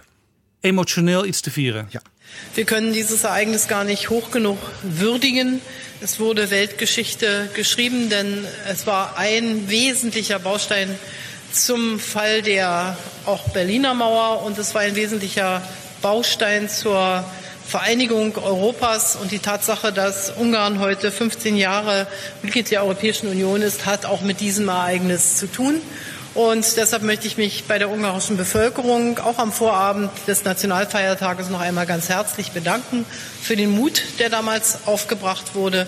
Und Deutschland wird dies äh, Ungarn nicht äh, vergessen. En dat was de lunch waar wij het in Betrouwbare Bronnen een tijdje geleden al keer over hadden. Van die hoogbejaarde Otto van Habsburg, de zoon van de laatste keizer van Oostenrijk. En die organiseerde aan de grens van de landen waar zijn vader nog over geregeerd had, Oostenrijk en Hongarije, een Europese verzoeningslunch. En de Hongaarse regering, die communistisch was, die zei nou dat vinden we een prachtig eh, gebaar en wij eren Otto van Habsburg, want dat is een man die opkomt voor de mensenrechten. En die lunch, dat mag. En toen hebben dus een duizenden mensen uit de DDR. Die gingen op, zogenaamd op vakantie in Hongarije. Melden zich aan voor die lunch. En de Hongaarse regering had dus de grensposten. Bij dat dorpje waar die lunch was. Vanwege het feest. Vanwege het feest open gedaan. Zodat Otto van Habsburg en de Oostenrijkers en mensen uit Slovenië. Dat ze allemaal mee konden doen. Dus die lunch is dus overvallen door duizenden mensen uit de DDR. Dat was natuurlijk helemaal geen toeval. Dit was allemaal keurig gepland. Dat wou ik zeggen. Ja, en die zijn dus massaal die grens overgelopen naar Oostenrijk en hebben asiel gevraagd. Had het regime van Hongarije niet door dat het hiertoe kon leiden? Eh, natuurlijk hadden ze dat door. Alleen ze dachten, we kunnen toch niet anders dan dit toestaan. Precies. Eh, In Europa is nu eenmaal deze sfeer ontstaan. Het regime van de DDR was natuurlijk des duivels. Ja, de communistische bewind van Honecker.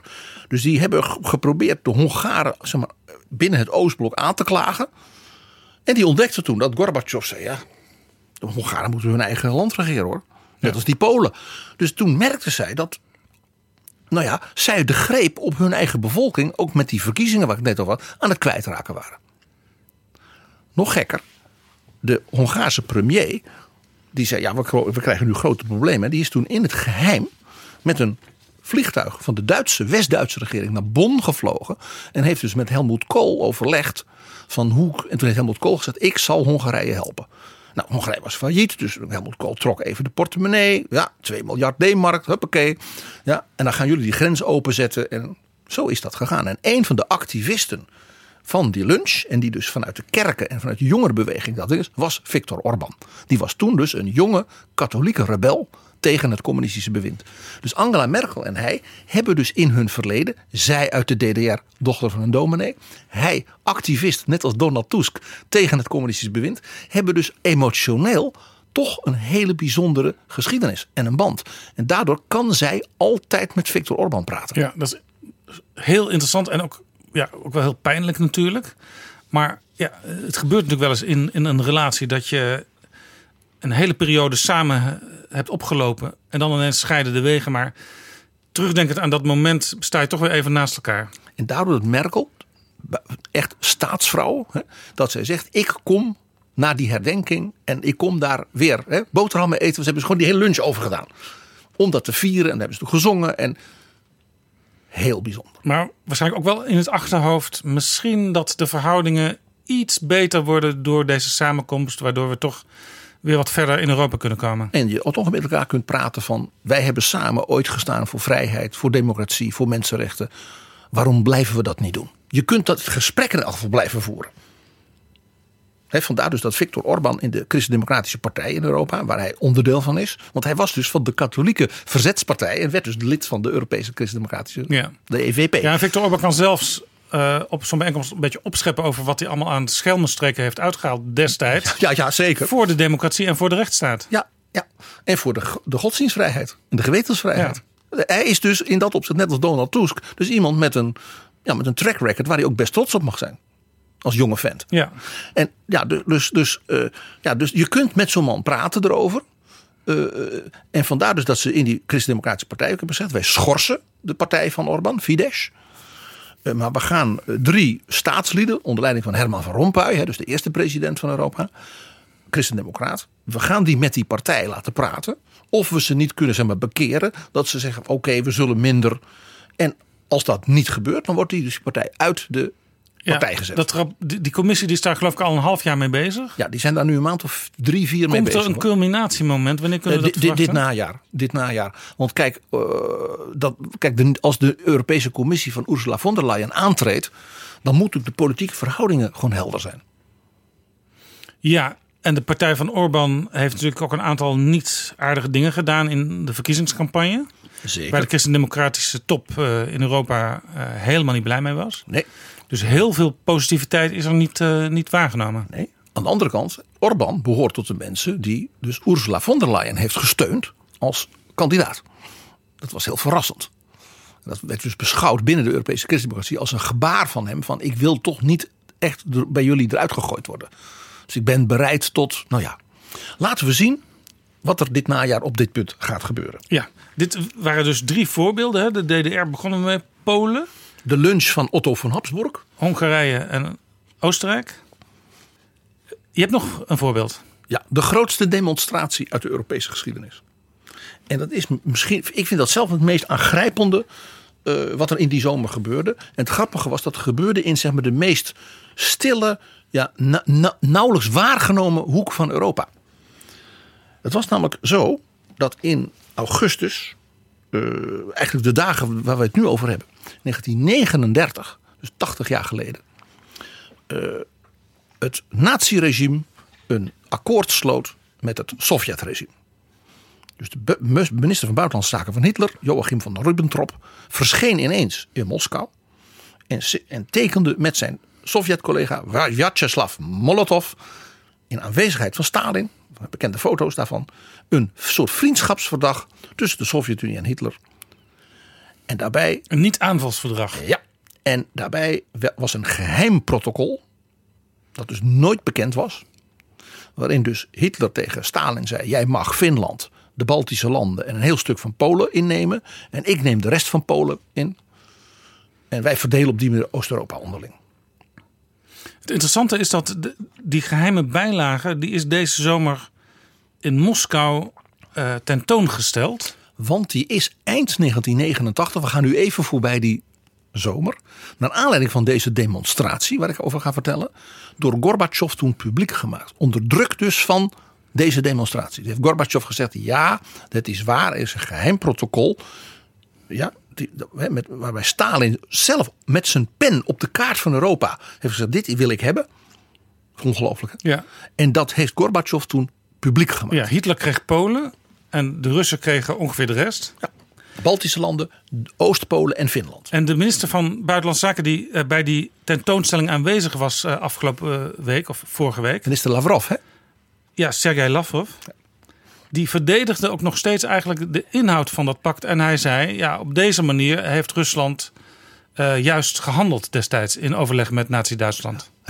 Dit is heel opmerkelijk. Het Poetin-bewind houdt eh, dus anders dan Gorbachev en Yeltsin. Dus de lijn van Stalin. Namelijk, wij hebben die landjes toen ingenomen.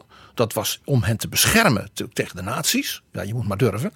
En ja, de grens van Rusland werd dus honderden kilometers naar het westen opgeschoven. En dat heeft er misschien wel toe geleid dat de troepen van Hitler toch net niet bij Moskou zijn gekomen. Ja, dus een, een, een juiste handeling, zegt Lavrov. Ongelooflijk. Nou, de bevolking in de Baltische republieken, hebben we Estland, Letland, Litouwen, was dus in 1940 door Stalin onderworpen.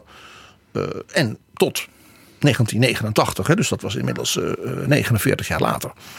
eh, ja, hebben dus, eh, zijn verschrikkelijk onderdrukt. Eh, toen Hitler dus binnenviel in 41, werden dus de nazi's in die Baltische landen soms als bevrijders binnengehaald. Ja, omdat ze al onder de knoet van die Russen zaten. Dus toen Stalin ze terugveroverde in 1944, 45, zijn dus die Balten opnieuw gestraft. Ja. Die Balten hebben dus gezegd: wij willen in de zomer van 1989, intellectuelen in kranten, en, ja, wij willen een soort excuus van Gorbachev. Dat hij begrip toont voor het leed van nou ja, onze, onze vaders, eh, oma's, eh, opa's, eh, ooms en tantes. Ja, en tot op de, de dag van vandaag, met name in, in Letland, is er een enorm cultureel en politiek probleem van eh, etnische Russen die daar wonen. in Estland en Litouwen ook. Standbeelden die er ook nog staan die aan die tijd Ja. herinneren. Nou, Gorbachev heeft toen gezegd: nee. Je hoort dus nu minister Sergei Lavrov. Hè? Nee, ik ga geen excuses maken en ook niet zeggen dat het me spijt. Want uiteindelijk was dit heel goed. Dus diezelfde lijn had Gorbachev. En toen heeft de bevolking in eh, eh, die, Bel- die Baltische landen. die hebben toen gezegd: dan zullen wij het wel even laten zien. Toen hebben ze dus op de dag dat het 80 jaar geleden was. dat het Molotov-Ribbentrop-pact, zoals het werd, toen werd getekend. hebben ze een demonstratie gehouden. Weet je hoe? Ze hebben 600 kilometer lang, hand aan hand, 2 miljoen mensen. Dus door die landen een ke- Als een soort menselijke keten. Ongelooflijk. Het is de meest indrukwekkende demonstratie in de Europese geschiedenis. Niemand was daar ook bij. 600 kilometer. 600 kilometer. Er was natuurlijk geen NOS-journaal bij. Ja, want er die- was, natuurlijk ook, de, de, de, er was natuurlijk ook geen onafhankelijke media. Nee, natuurlijk niet. Het was alleen Sovjet-media. Ja.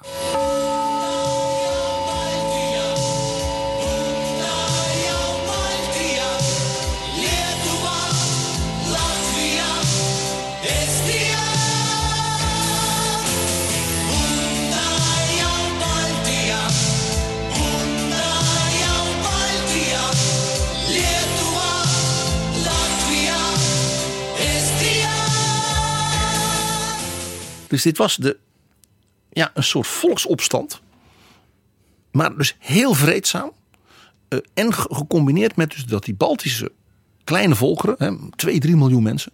Dus dit was ongeveer zeg maar, de helft van de bevolking hè, die dus daar stond. Ja.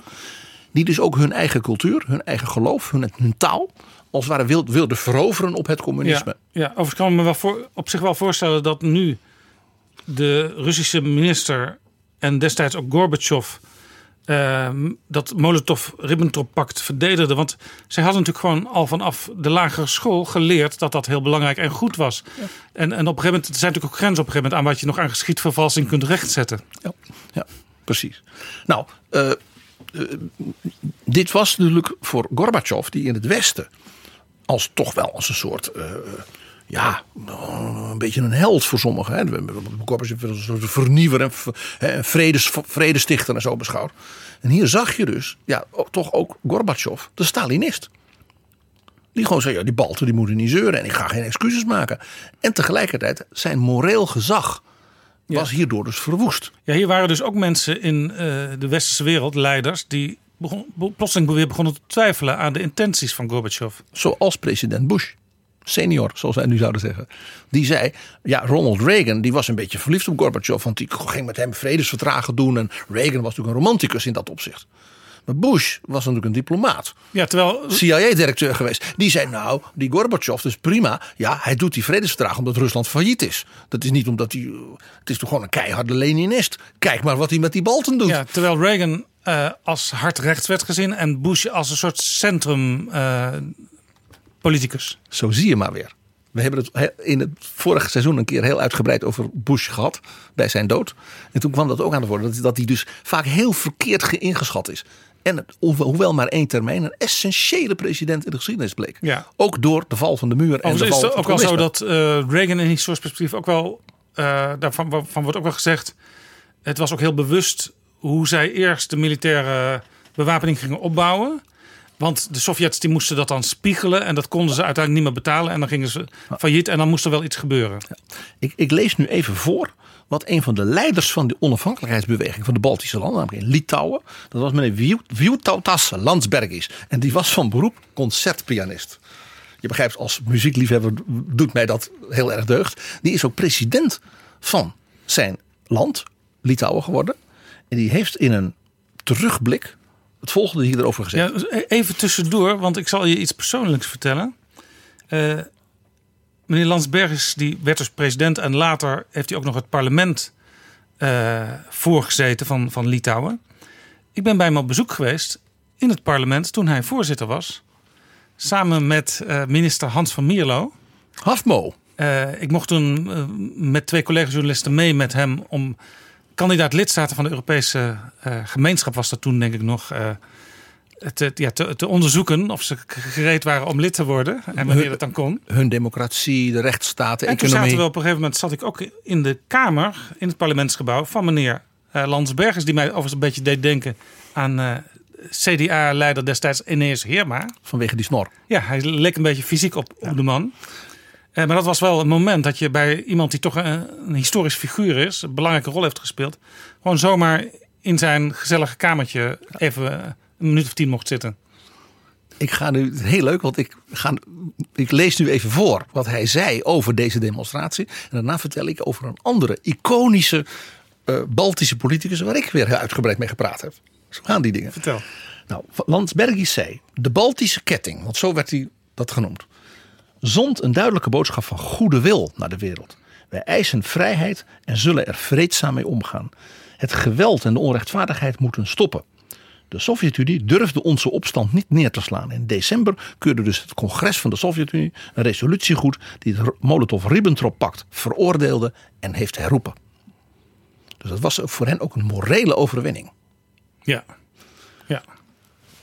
Heel, heel, heel bijzonder. Hè? Nou, ik heb zelf eh, eh, heel uitvoerig gepraat met mevrouw Vike Vaira Freiberga, de, pre- de president van Letland. Dus het andere kleine landje. En dat was een vluchteling. Die was gevlucht eh, naar Canada. En was voorzitter geworden van zeg maar, de Academie van Wetenschappen van Canada. Was een vrouw van nou ja, groot wetenschappelijk gehalte. En is toen de muur gevallen was naar Letland gegaan om daar de universiteiten te saneren. En dat heeft ze zo goed gedaan dat het parlement haar toen gevraagd heeft of ze president wilde worden. Dus met algemene stemmen tot president twee keer gekozen. en dat was ja, een vrouw van, van grote statuur en klasse. Ja. En die was een keer in Den Haag. En toen hebben Thijs Broer van Van Nederland en ik eh, ons nou ja, via de Letse ambassade. Toen mochten wij bij haar aanzitten. Hebben dus haar geïnterviewd met nog een paar andere journalisten. En daarna heeft ze een lezing gehouden. Samen met Jonathan Holtslag in de Kloosterkerk. En daarna, na afloop, heb ik, ben, heb ik nog anderhalf uur met haar zitten praten. En het leuke was, om de twee, drie minuten kwam er weer een groepje Letse studenten hier van de Leidse Universiteit. En die kwamen zeer, wij zouden zeggen hoofdsklassiek. Die kwamen naar haar toe en dan kusten ze haar hand. Ja, dus mevrouw Vrijberga en meneer Landsbergers zijn iconen. Van de vrijheid en de democratie. Ja, overigens nog één laatste herinnering. Daar bij Landsbergers eh, dronken we wortelsap. Want dat was daar zo'n beetje de nationale drank. ja, ja, dat klopt. Dat, de Baltische, het is een hele eigen cultuur, die landen. Eh, eh, eh, Litouwen is bijvoorbeeld een katholiek land, zoals Polen. Letland is veel meer Luthers. Duits ook, qua geschiedenis. Estland is Fins.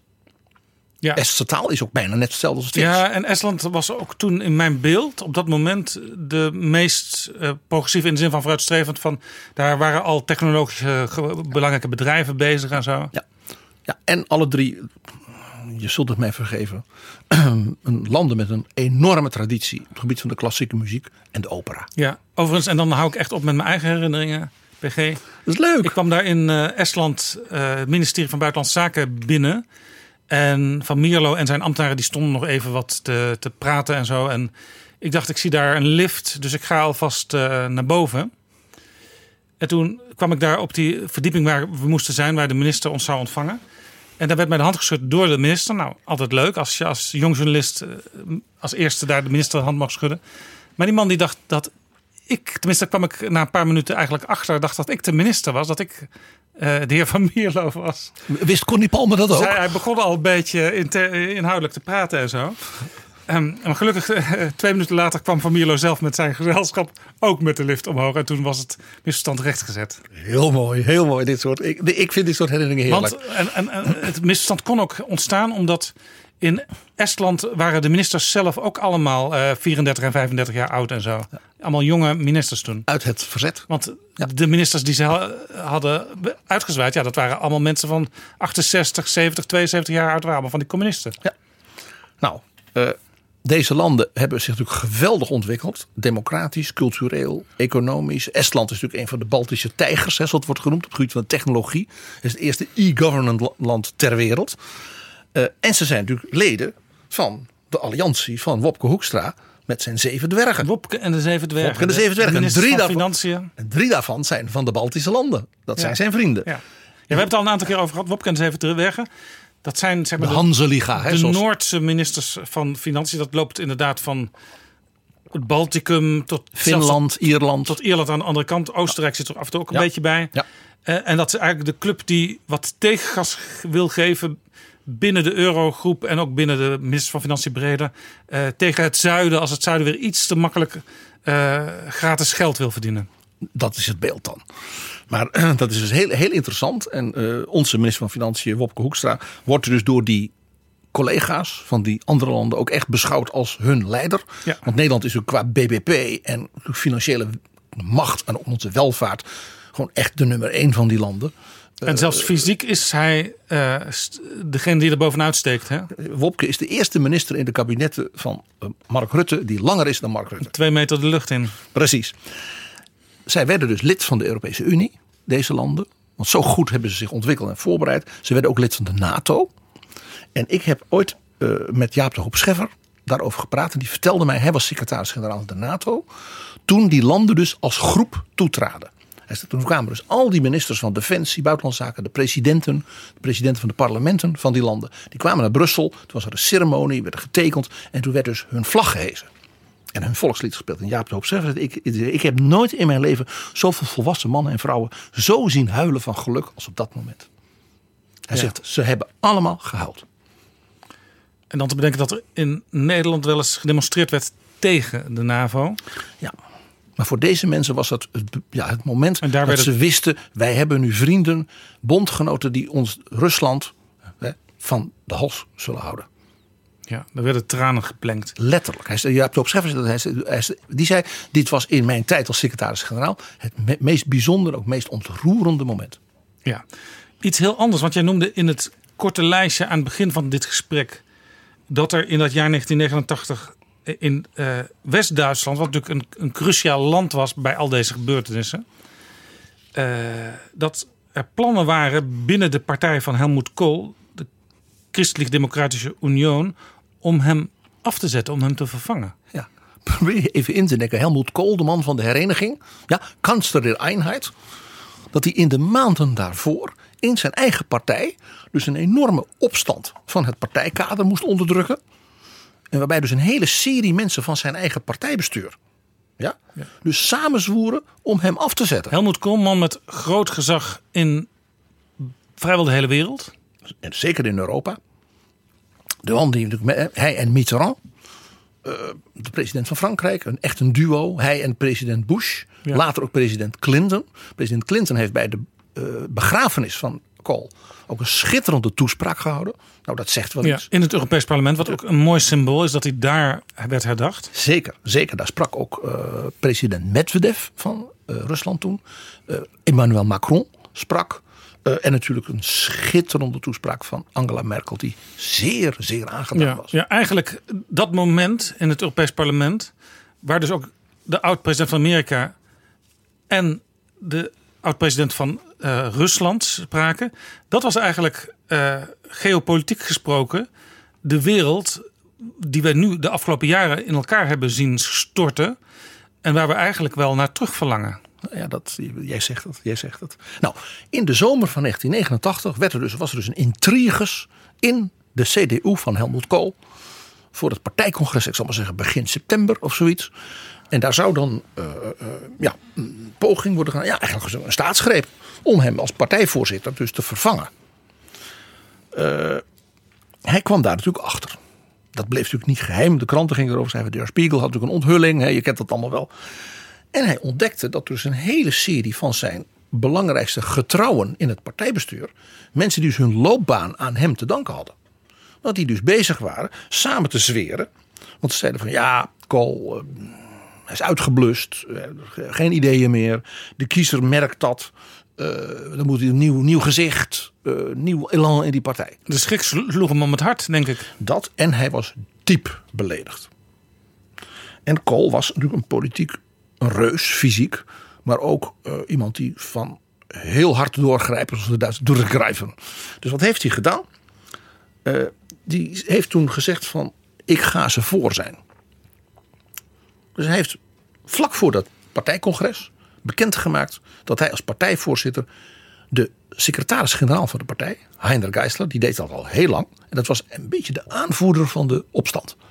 Dat hij die niet voor herbenoeming voordroeg. Met andere woorden, hij probeerde hem op die manier uit te schakelen en die hele groep daarmee. Juist. En hij zei: Ik kom met iemand anders. En dat was een jonge politicus uit de grootste Bundesstaat, namelijk Noord-Rijnland-Westfalen, Volker Ruwe. En Kool die zei: Volker Ruwe. Ik wil, zo de Duitsers dan zeggen, ik wil het wissen. Ik wil het weten. Partij, kies. En hij dacht, Ruwe krijgt natuurlijk de steun van iedereen in Noord-Rijnland-Westfalen. Heiner Geister was namelijk uit Rijnland-Pfalz. Dus waar Kool zelf vandaan kwam. En Kool dacht, ik heb nog genoeg aanhang onder de leden. En de bestuurders die dan op het congres zitten. En de NRW-delegatie plus mijn aanhang is een meerderheid. Ja, dus de leden op dat congres, die natuurlijk eh, de Spiegel en al die andere persverhalen hadden gelezen. Die wisten dus wat er aan de precies wisten wat er aan de hand was. Juist. Die mochten eh, de doorslag geven. Wat gaat er gebeuren? Ja. Dus de stemming over de nieuwe partijsecretaris was meteen dus het moment als dus de rebellen in de partij hadden gezegd wij stemmen niet op Volker Ruwe en had de meerderheid niet gehad, dan was Kool weg geweest. Ja. Dus hij legde zijn kop politiek echt op het hakblok op zijn eigen partijcongres. Sterker nog, inmiddels was naar buiten gekomen dat dus de partijrebellen een complete zeg maar, overname van de partij hadden voorbereid. Inclusief dus een nieuwe partijvoorzitter en een nieuwe bondskanselier. Die stond al klaar. Dat was Lothar Speet. Oh ja. Dat was de, de, de premier van Baden-Württemberg. Nou, Baden-Württemberg is een van de Duitse deelstaten waar de CDU meer dan 50% van de stemmen had. Is het meest welvarende deel van Duitsland. Is het centrum van de R&D, innovatie, auto-industrie, eh, Stuttgart, Karlsruhe. Dus topland, prachtige wijnen. ja. Ja, dus op zich niet zo heel slecht, eh, op zich niet zo heel verkeerd gedacht om die man eh, voor het Bundeskanzlerschap eh, te projecteren. Want ja, het succesvolste deel van Duitsland, dat kun je ook over het hele land uitspreiden. Dat was precies het idee. En Lothar Speet was buitengemeen ambitieus. Eh, Dat moet ook, anders ben je niet minister-president van zo'n sterk Bundesland als Baden-Württemberg. En Lothar Speet was wel het omgekeerde van Helmut Kool. Want Helmut Kool was natuurlijk 2 meter en 150 kilo. En Lothar Speet was geloof ik net 1,60 meter. Maar uh, zo totaal ander iemand ook qua naturel. Eh, nou, dat congres, dat komt bijeen. Je begrijpt natuurlijk, iedereen die zijn stemrecht had was er op dat congres. Niemand bleef weg. En Kool krijgt het voor elkaar. Volker Ruwe wordt met een meerderheid van stemmen gekozen als partijsecretaris. En daarmee stortte dus die opstand in elkaar. Kool heeft een aantal van de rebellen toen ook uit het partijbestuur laten mikken. Hij heeft echt wraak genomen, want dat- Kool was zeer eh eh, nachtrakend, zoals de Duitsers dat noemen. Dus wraakzuchtig. Als je hem tegen had gewerkt. En de balans in de partij kwam niet in gevaar, want dat is soms dan een probleem. Hè? Ja, daar, daar moest hij natuurlijk. eh, hij, kortom, na dat partijcongres was dus binnen de CDU een heleboel ruwe ja, wonden en schaven en dit en dat. En toen viel die muur. En iedereen is dat partijcongres natuurlijk vergeten. Ja, ik kon het mezelf ook niet meer herinneren. Want dat, dat is natuurlijk het gekke. Eh, de meest, ja, een van de meest historische gebeurtenissen van die eeuw.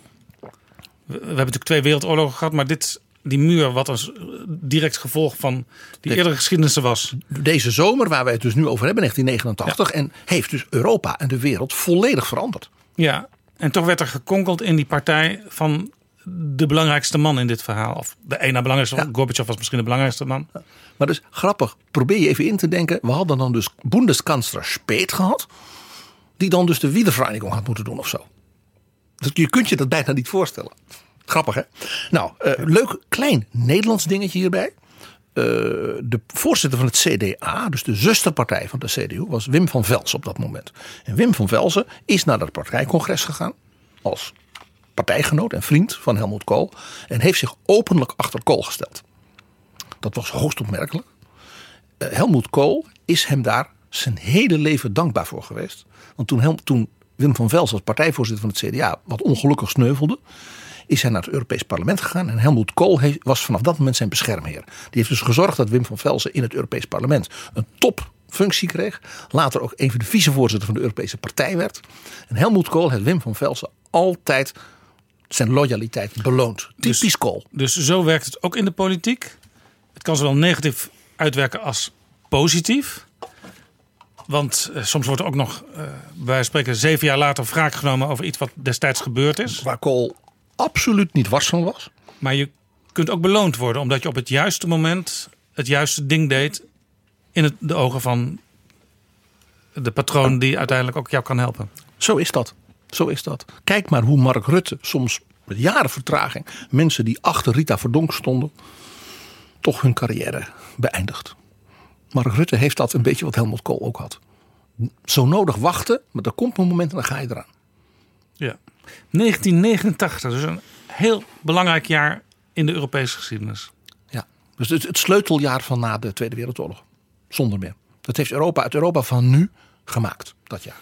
Ja, alle ellende die voortkwam uit die oorlog. eh, Die dus ook die toen werd- nog doorwerkte met dat communistische Een- regime, met een- die een onderdrukking. Ja. Eh, daar werd toen eigenlijk een einde aan gemaakt aan die, aan, aan zeg maar de negatieve kanten van wat er. Nou ja, En we dachten eigenlijk op dat moment, nu wordt het vrede en nu betreden wij samen het paradijs. Maar laten we wel zeggen, er zijn dus toen honderden miljoenen Europeanen voor het eerst soms sommigen, zoals in de DDR sinds 1933, dat ze weer vrijheid hadden. Ja. En, en gewoon, zoals de DDR-burgers, gewoon konden reizen naar een ander land. Gewoon hele eenvoudige burgerlijke vrijheden. Dat je gewoon kon geloven wat je wilde. Ja. Dat je boeken kon lezen die jij graag wilde. Ja. Elmar Brok had het ook over dit moment hè, in, in ons gesprek met hem een tijdje geleden. Eh, Elmar Brok, de Ja, Nestor van de Europese politiek. Nestor van het Europees Parlement. Eh, hij heeft nu afscheid genomen, maar hij zat bijna 40 jaar in dat parlement. Een paar weken geleden was hij nog weer in Newsnight. Hè, als als Ja. kenner van BBC Brexit. Newsnight. eh, Ze blijven hem gewoon vragen. Er werd gewoon gezegd eh vertrouweling van Angela Merkel. En Wat ook zo is. werd verder niet meer uitgelegd wat, wat hij dan wel of niet meer nu doet. Maar ehm, voor hem was dit ja, het meest emotionele moment uit zijn politieke loopbaan. En we gaan even naar hem luisteren. Where were you at the moment that the wall was turned down? that evening. And that evening, I was in, just came at home. My oh. wife was not oh, Home there, is Bielefeld. Bielefeld, and I got a phone call from a member of a delegation of the Legal Committee of the European Parliament, which was at that day in Berlin. This person phoned me and said, Elmar, the fall is, wall is falling down. There were no Twitter and so on, or at home. We knew my private telephone number. And it was someone from Rotterdam, Jimmy Jansen van Rij. Ah. Jimmy van Jansen van Rij, a Dutch from Rotterdam, called me. He told Said- you. He told me. Then the next morning we had anyway a meeting with our Secretary General in Berlin, in, in Bonn, Volker Rühr. What could we do in East Germany? They had invited all the people who had contact to East Germany, so I was them. And was open. And we discussed with Kohl in, in Warsaw. And he flew via Hamburg to Berlin, and we took a plane to Berlin where we had the first demonstration. It was a decisive meeting in summer 89 between Kohl and Gorbachev, who had problems before they knew each other. And a late evening bottle of wine. The two of them went through the gardens to the River Rhine. They were sitting there on a wall looking to the Rhine. a In bottle Bonn, of in Bonn. in Bonn, Yeah. the Chancellery Garden, and discussed for hours the future. And uh, Kohl said, Look to, down to the River Rhine. He repeated it later very often. And American senator, I was with him and so on. Look here, the River Rhine. We can do what we want. We will never stop him. He will run and run. The same is with German unification. At the end of the day, you cannot stop it. And uh, then he had said also, you can rely on me if you will have problems with your economic questions. And we will do for you to help you. It was June, June or July 89, as nobody thought about fall of the wall. And uh, then Gorbachev, called German Chancellor via Telchik, when it and was whether Germany would be able to deliver in a short notice uh, a lot of meat and soap. And in the same evening, the Chancellor stopped every, uh, how you call it, this uh, beef houses, frozen beefs, in all over Europe. Yeah. Stopped it, bought it, and sent it there. We believe today, it was coincident that day, in the Chancellor learned it, uh, that uh, that I think that was Gorbachev's test that I call give it his promises. It was proof. That was his proof. Let's ask them, will he do it? Dat was Elmar Brok opnieuw emotioneel over dat moment in 1989. Ja, en ook zijn onderstreping in dat gesprek met jou en mij, Jaap, dat hij zei: drie mensen, Helmut Kohl, François Mitterrand en Jacques Delors. Hij zei: die drie, omdat die er op dat moment waren, elkaar vertrouwden, uh, ja, en alle drie op hun plek, ja, zeer krachtdadig, strategisch denkend. Dat hij zei: daardoor heeft, heeft dat gekund. Vond ik ook heel opmerkelijk. Dat hij dus die twee Fransen ja, als het ware als de grote drijf, drijf, drijvende krachten achter dus, nou ja, de, de, de eenwording van Duitsland en de eenwording van Europa. Ja, en dat allemaal op, op een moment dat in Nederland ja, de politiek voortkabbelde, een, een kabinet viel, er kwam weer een nieuw kabinet. Ja. Onthoud dus één ding. Waar de luisteraars van Betrouwbare Bronnen. Wij kijken nu terug, 30 jaar later, en denken: ja dat, ja, dat zat eraan te komen dat die muur viel en zo. Niemand op dat moment kon dat bevroeden. Ik zal een paar dingen noemen die veel meer voor de hand lagen. Waar men dus ook toen in de politiek, ook hier in Nederland en ook Europees, bevreesd voor was. Bijvoorbeeld een staatsgreep in Moskou door de KGB en de generaals. Ja, dat, tegen Gorbachev, die, de vernieuwer. dat was op een bepaald moment zelfs aan het gebeuren. 1992, drie jaar later. Ik weet, de livebeelden kan ik me nog goed herinneren. Ja, exact. Waarbij, Gor- waarbij Boris Yeltsin ja, op die tank ging staan en zei: Wij Russen willen vrijheid.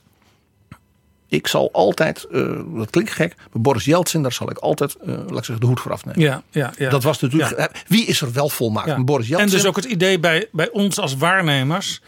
eh, het kan heel makkelijk weer terugvallen in de oude Sovjet-positie. En dan is er eigenlijk niks gebeurd. En daarin was Boris Yeltsin op zijn man, Yeltsin-achtige manier een held. Nou, wat ook heel goed had gekund, was natuurlijk die Solidarność-beweging. Dat die natuurlijk door een coup van het leger, gesteund door de, de Sovjet-Unie en de KGB, onder, onderworpen werd. Ja, want je had toen ook. De, de president was toch ook een generaal. Ja, zeker? Jaruzelski. Ja. Ja. En mensen hadden, eh, Wal- Walenza had al een keer in de gevangenis gezeten. Hè? Toen heeft de paus, dus eh Wojtyła, Ja. heeft toen zoveel druk uitgevoerd dat ze hem hebben Ja, vrijgelaten. en het was heel erg ook de vraag. Aan welke kant staat, als het echt op aankomt, Jaruzelski? Juist. Dat bleek later, ik heb eens een interview met hem gelezen, een enorm belezen man. Zijn, zijn huis puilde uit van de boekenkasten. En eh, eigenlijk een hele hij- interessante man. Maar ja, het was wel een beetje een rare man met zo'n zwarte zonnebril. en hij ja. kwam uit het leger. Het was de opperbevelhebber van het leger. En dat was een, commun- een, een, een- een communistisch leger dat dus ja, afhankelijk was van de Sovjet-Unie. Hij bleek een Poolse patriot en geen communist.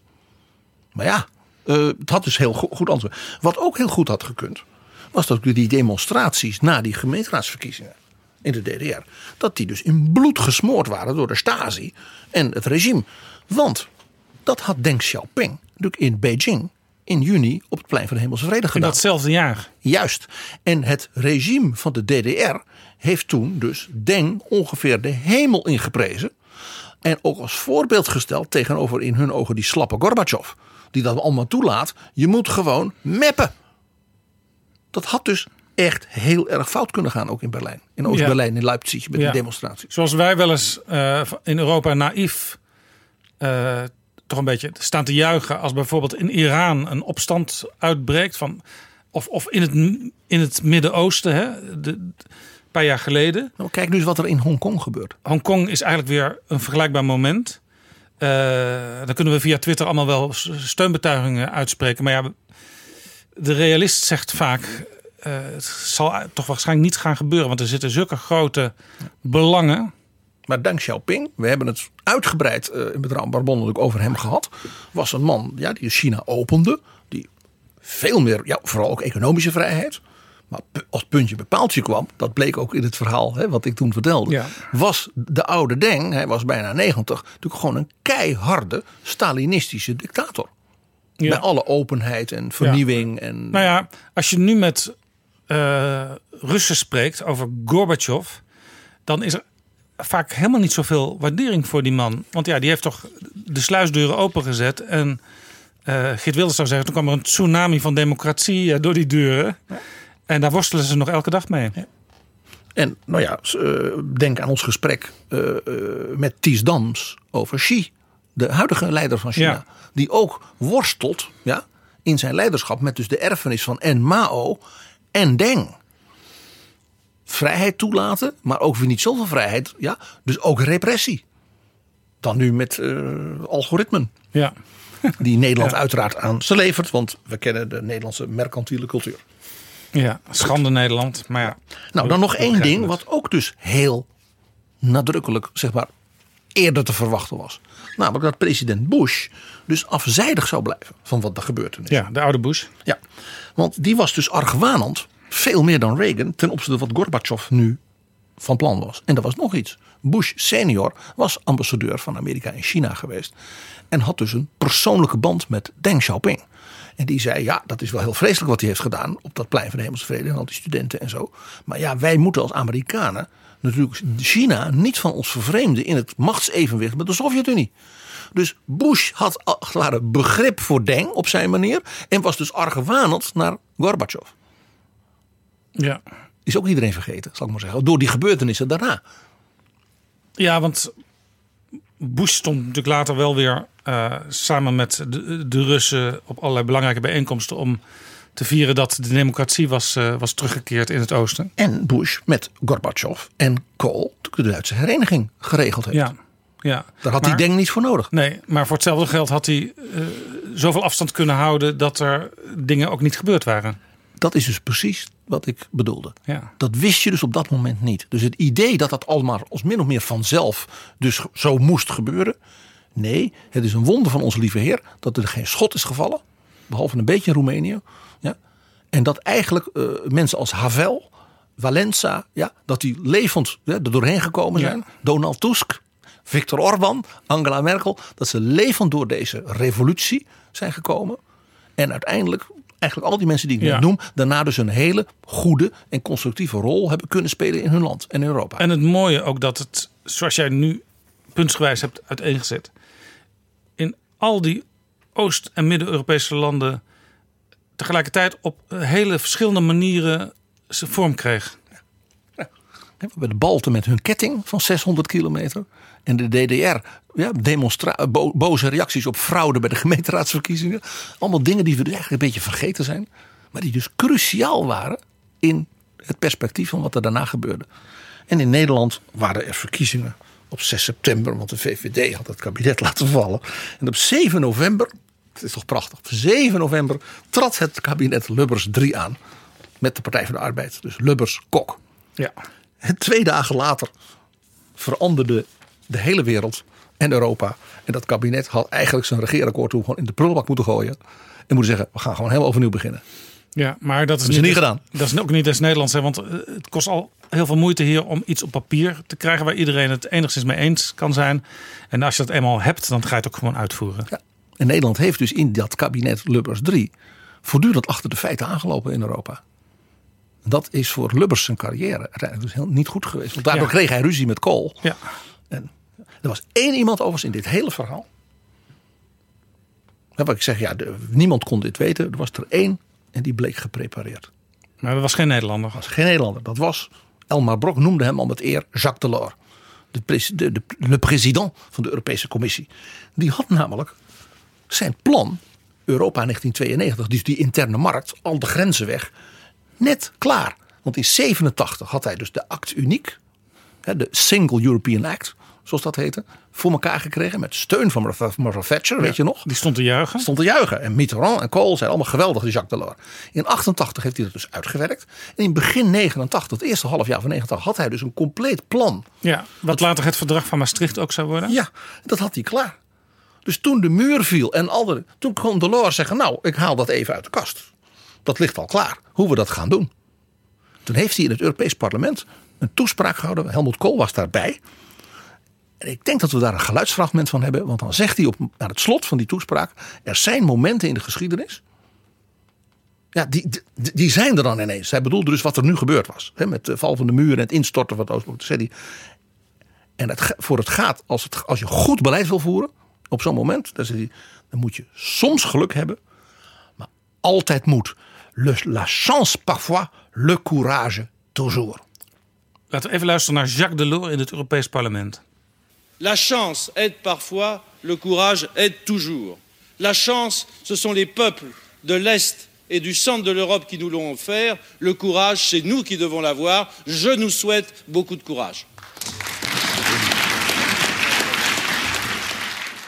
Dat Jacques Delors, toen voorzitter van de Europese Commissie, president, in het Europees Parlement. En zijn plannen voor dat grenzeloze Europa, wat in Maastricht 1992 zijn definitieve vorm zou krijgen, dat leidde er ook toe op iets langere termijn dat al die Midden- en Oost-Europese nieuwe democratieën vrij snel ook konden toetreden tot de Europese Unie. En later is er wel eens gezegd van ja, had dat allemaal zo snel gemoeten. Maar ik denk, PG, dat jij en ik het er wel over eens zijn dat dat inderdaad moest. Want het was een uniek historisch moment. En je moest de mensen in die landen, na dus de communistische dictatuur en de DDR ook nog daarvoor de nazi-dictatuur, perspectief en hoop geven. Van als je met Europa meedoet, dan mag je dus jezelf zijn. En ook voorkomen. En je mag ze- bloeien, je mag je kinderen ja, kunnen gaan werken. eh, er is vrijheid, je mag reizen. Dat is zo'n ongelooflijk groot goed. En de manier hoe, hoe Delors, die dus eigenlijk zonder, zonder dat te weten, in feite het draaiboek al klaar had daarvoor. En die heeft dat meteen met grote daadkracht, want dat was kenmerkend voor Delors, dus doorgezet met de steun van alle Europese leiders. Ja, en ook wel om de angst te bezweren dat sommige landen misschien weer zouden terugvallen in de oude gewoonte. Zo is dat. Overigens kreeg je dan later natuurlijk wel het probleem met mensen als Orbán in Hongarije en ook met de Polen. Maar goed, dat gaat weer een keer een heel ander verhaal in de historische daar- rubriek worden, denk ik. Ik zeg daar één ding bij. Viktor Orbán is democratisch gekozen. Is niet opgelegd vanuit het Kremlin met, met een, een leger en wat al niet. En dus zullen we het in Europa zelf in democratisch overleg met elkaar moeten oplossen. En dan houden we ons aan die prachtige leus van Jacques Delors. La chance parfois, le courage toujours. Merci bien, PG.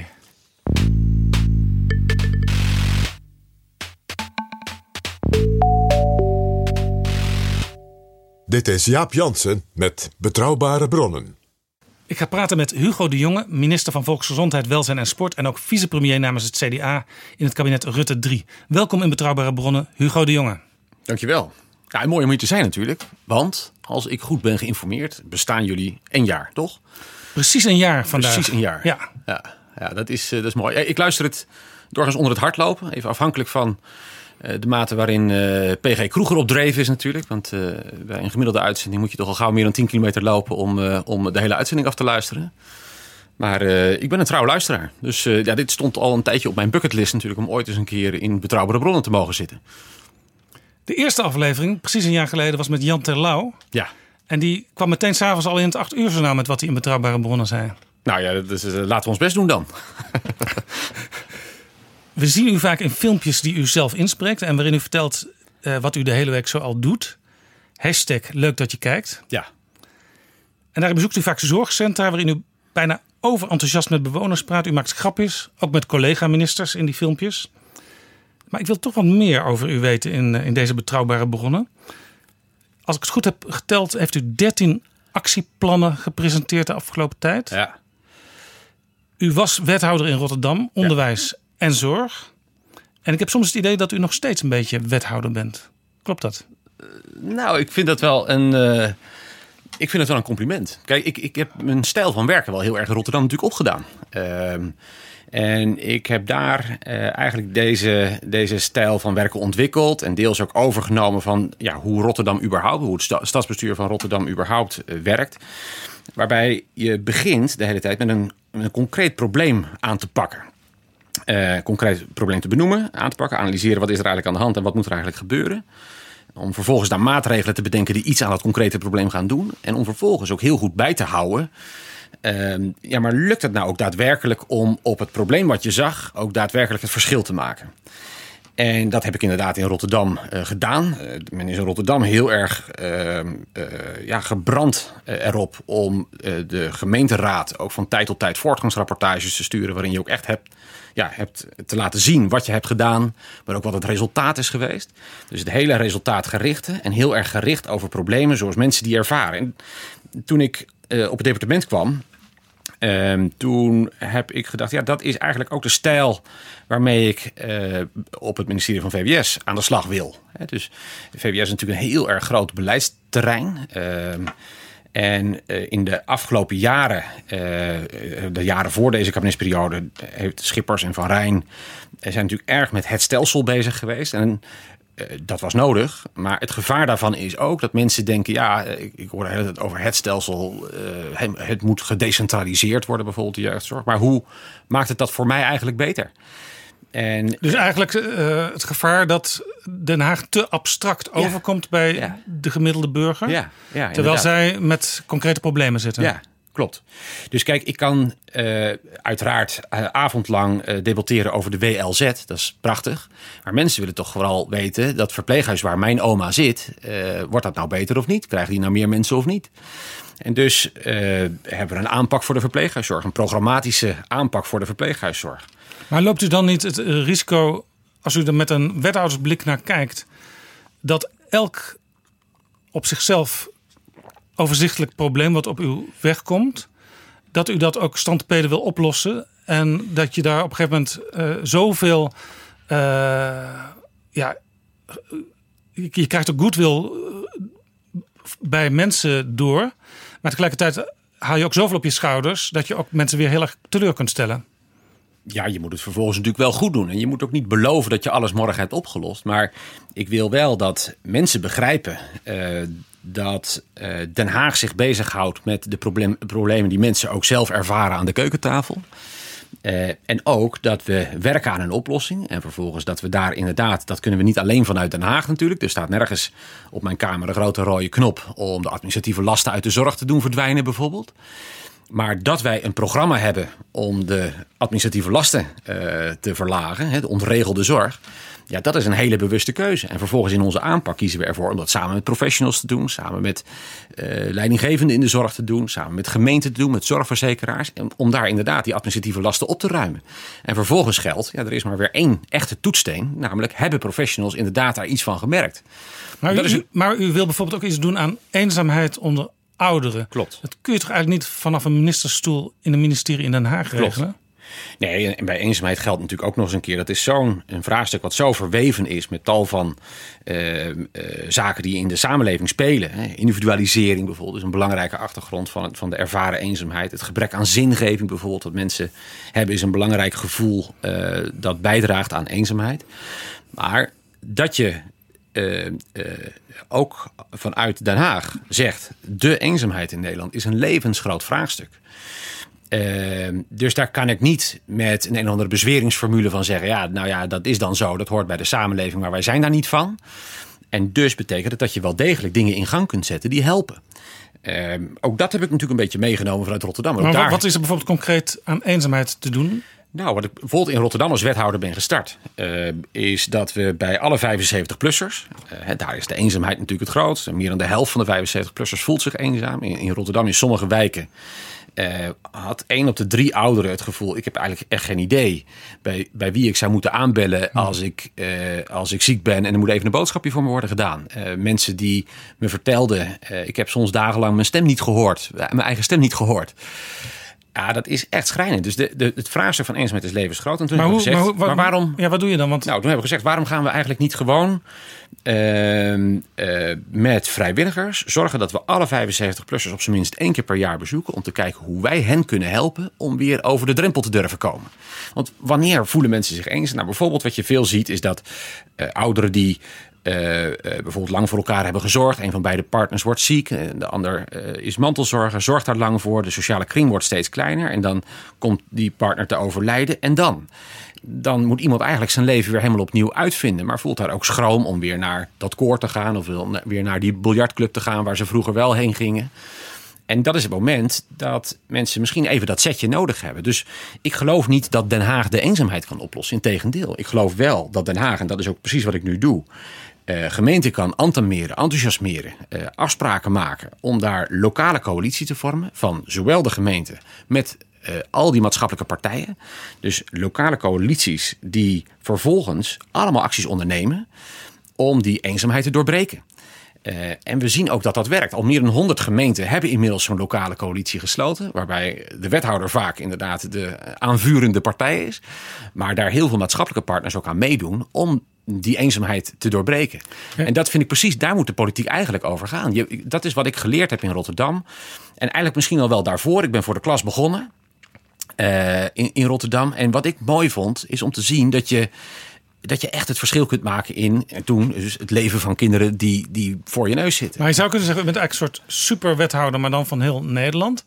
Eh, had u zelf als wethouder soms het idee dat bepaalde dingen die lokaal speelden niet doorkwamen in Den Haag? Ja, zeker. Ja, zeker. En zeker als eh, de Haagse politiek, is een beetje generaliserend natuurlijk. Dus ik, ik bedoel dat zeker ook niet eh, onaardig. Maar als het vooral gaat over eh, beleid en vooral over het stelsel. dat je wel eens in zo'n academische discussie terecht kunt komen. Of zo'n hoogoverdiscussie. Dat het eigenlijk niet meer raakt aan de gewone problemen van gewone mensen. Maar je zou misschien ook kunnen zeggen dat eh, Edith Schippers en Martin van Rijn... eh, die hebben zich met het stelsel bezig gehouden... maar bijvoorbeeld ook het in de hand houden van de kostenstijging in de zorg. Daar werden ze ook voor geprezen. Eh, dat dankzij dat beleid u nu op een andere manier met het beleid om kan gaan. Nou ja, kijk, eh, even, Martin van Rijn en, en Edith Schippers zijn buitengewoon bekwame bestuurders. Hè? Dus ik, ik zou, je zult mij nooit iets onaardigs horen zeggen over hen. Integendeel, uh, ik heb grote bewondering voor wat zij hebben gedaan. Uh, maar het was wel een andere tijd. Het was een tijd waarin ja, de stelsels uh, uh, klaar voor de toekomst moesten worden gemaakt.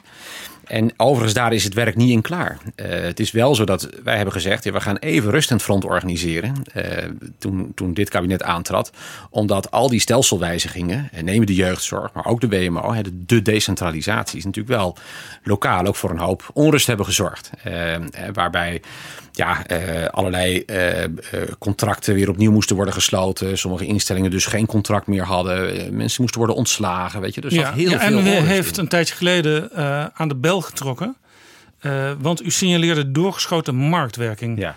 U zei soms staan er op een dag op hetzelfde adres drie verschillende ja. busjes van zorginstanties. Ja. Die ook nog met elkaar concurreren. Zeker.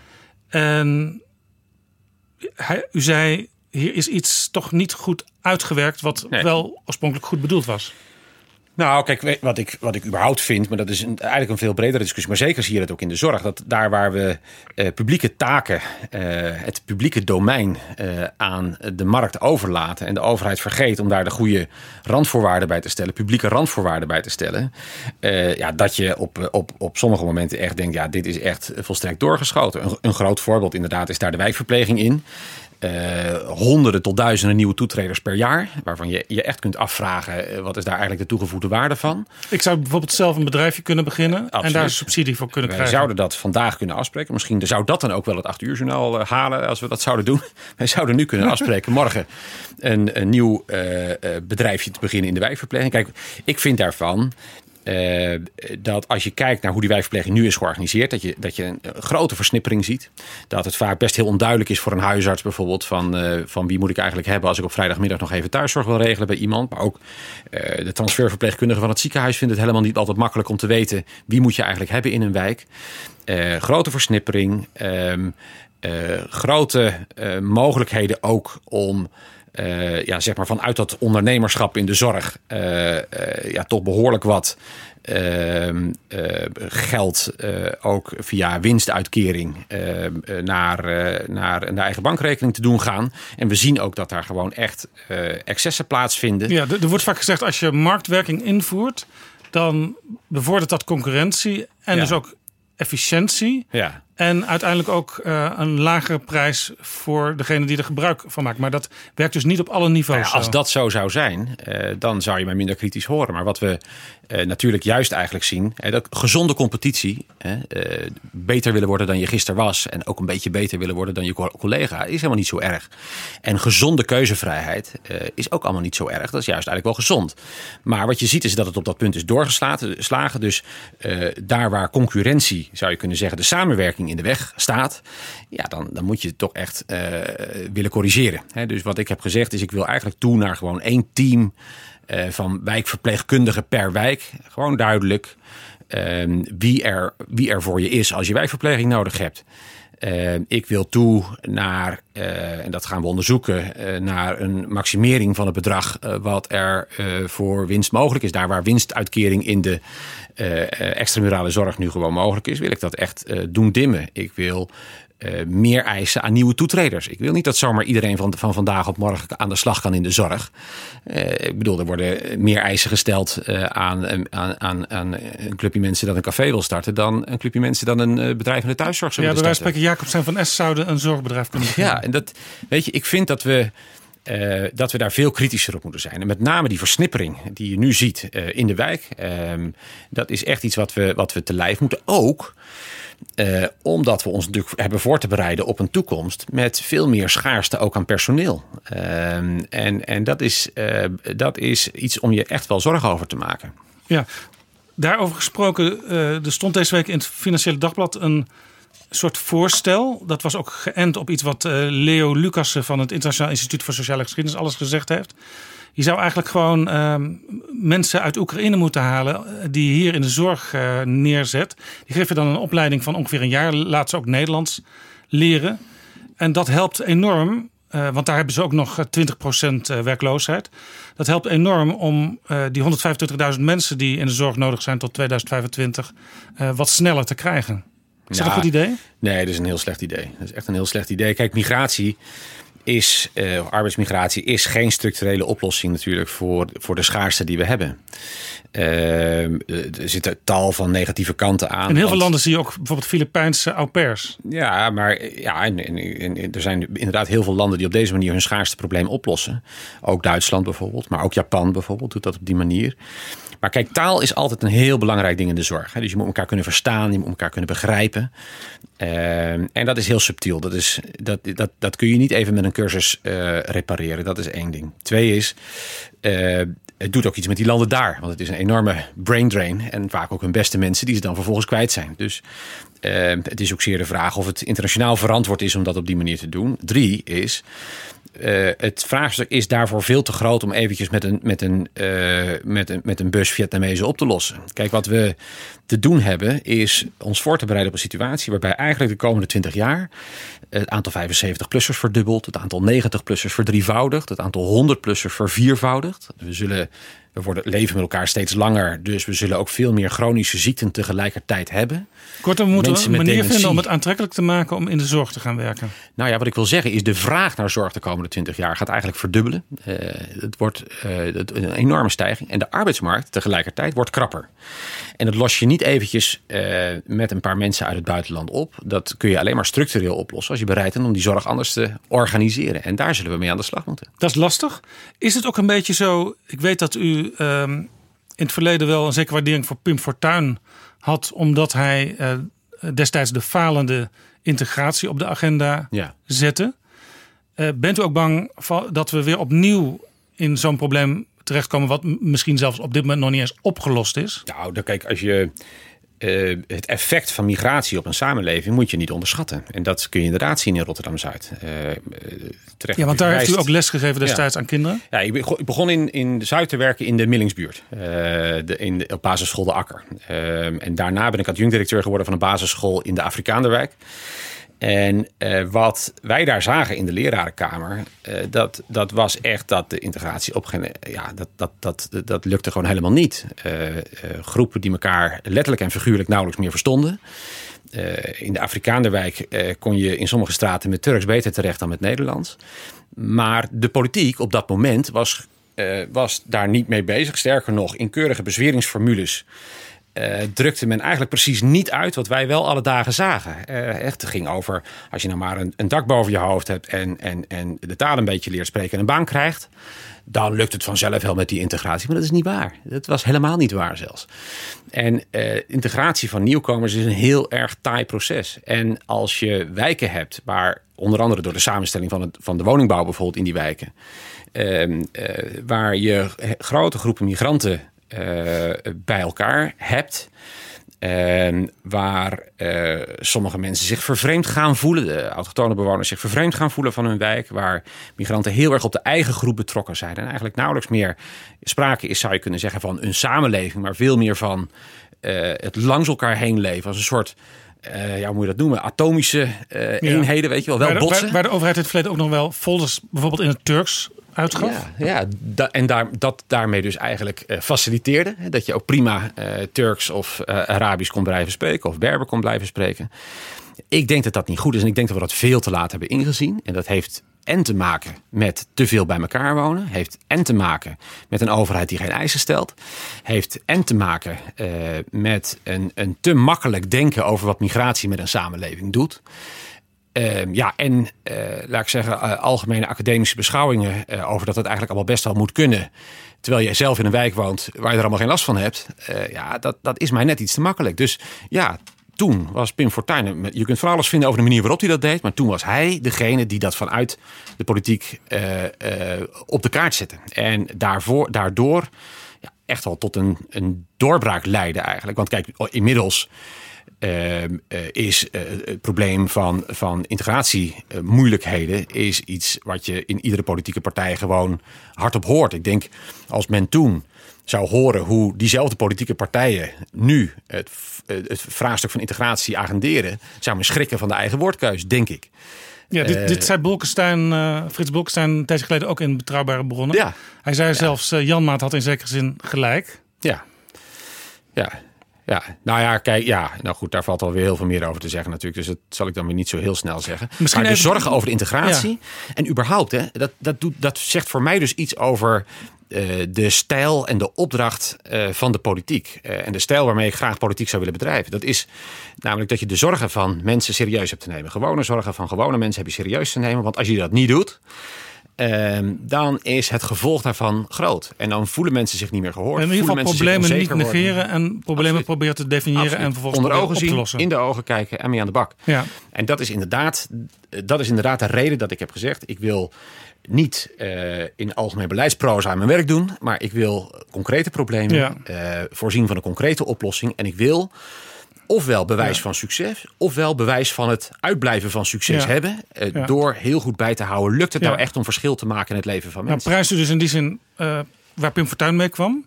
Eh, Geert Wilders die ziet zichzelf wel eens als de opvolger van Fortuyn. Een jaar geleden zat u met Thijs van den Brink op de fiets.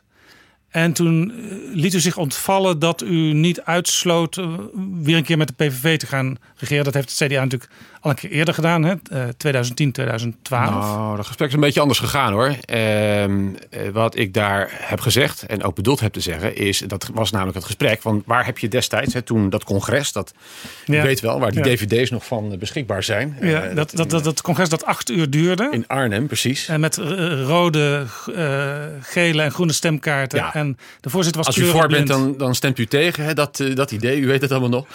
Nee, dat, dat, eh, dat congres, daar lag de vraag voor: moet je eh, in zee willen gaan met de PVV? En daar was op dat moment nog niemand geweest. eh, hè, dat was nog niet getest. Die setting was nog niet getest. Er was ook een constellatie bedacht waarbij ze geen onderdeel zouden zijn van de regering, maar wel gedoogsteun zouden geven aan die regering.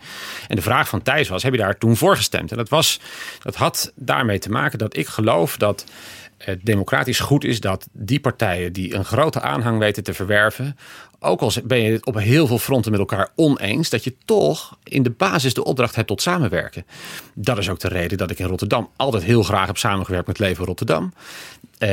Omdat ik vind, kijk, Leven Rotterdam heeft, heeft een enorme aanhang in, eh, in Rotterdam. En ik vind dat het de kunst is eh, van de politiek om eh, dat voorbeeld te geven aan de samenleving door juist die samenwerking op te zoeken. Tegelijkertijd, en dat heb ik eh, natuurlijk ook gezegd tegen eh, eh, Thijs van der Brink. Kijk, als je nu die vraag nog eens zou stellen, is het antwoord natuurlijk anders. Want we hebben het geprobeerd. Nou, en to put it mildly, dat was geen succes. En en sluit het dan uit? dat was ook voor niet voor herhaling van- vatbaar voor mij. Ja, absoluut. Nee, never again. Ja, dat, Ja. Is, nee, Ja. dat moeten we niet nog een keer doen. Geldt het overigens ook voor het Forum voor Democratie? Want dat is natuurlijk ook in zekere zin een partij die in datzelfde spoor loopt. Ehm, ja, kijk, nou ja, daarvan zou je kunnen zeggen, die zijn nog niet getest. Ik geloof ook dat ze op dit moment eventjes andere issues aan hun hoofd eh, hebben.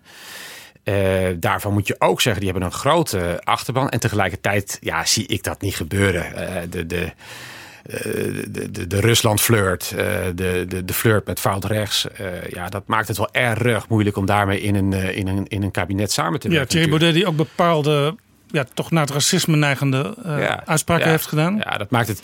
Dat, ik zie dat gewoon niet gebeuren. Dat, dat maakt het volgens mij onmogelijk om, eh, om in een kabinet samen te werken. Tegelijkertijd samenwerken in de politiek. Dus over partijgrenzen heen met elkaar de samenwerking zoeken. Dat moet je natuurlijk alle dagen doen. In de Kamer heb je gewoon met elkaar samen te werken. En ik probeer het juist op zo'n manier te doen dat je zegt.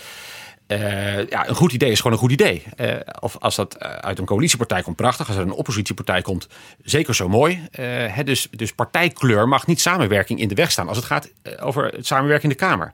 Maar dat is echt iets anders dan samenwerken in een kabinet natuurlijk. Ja.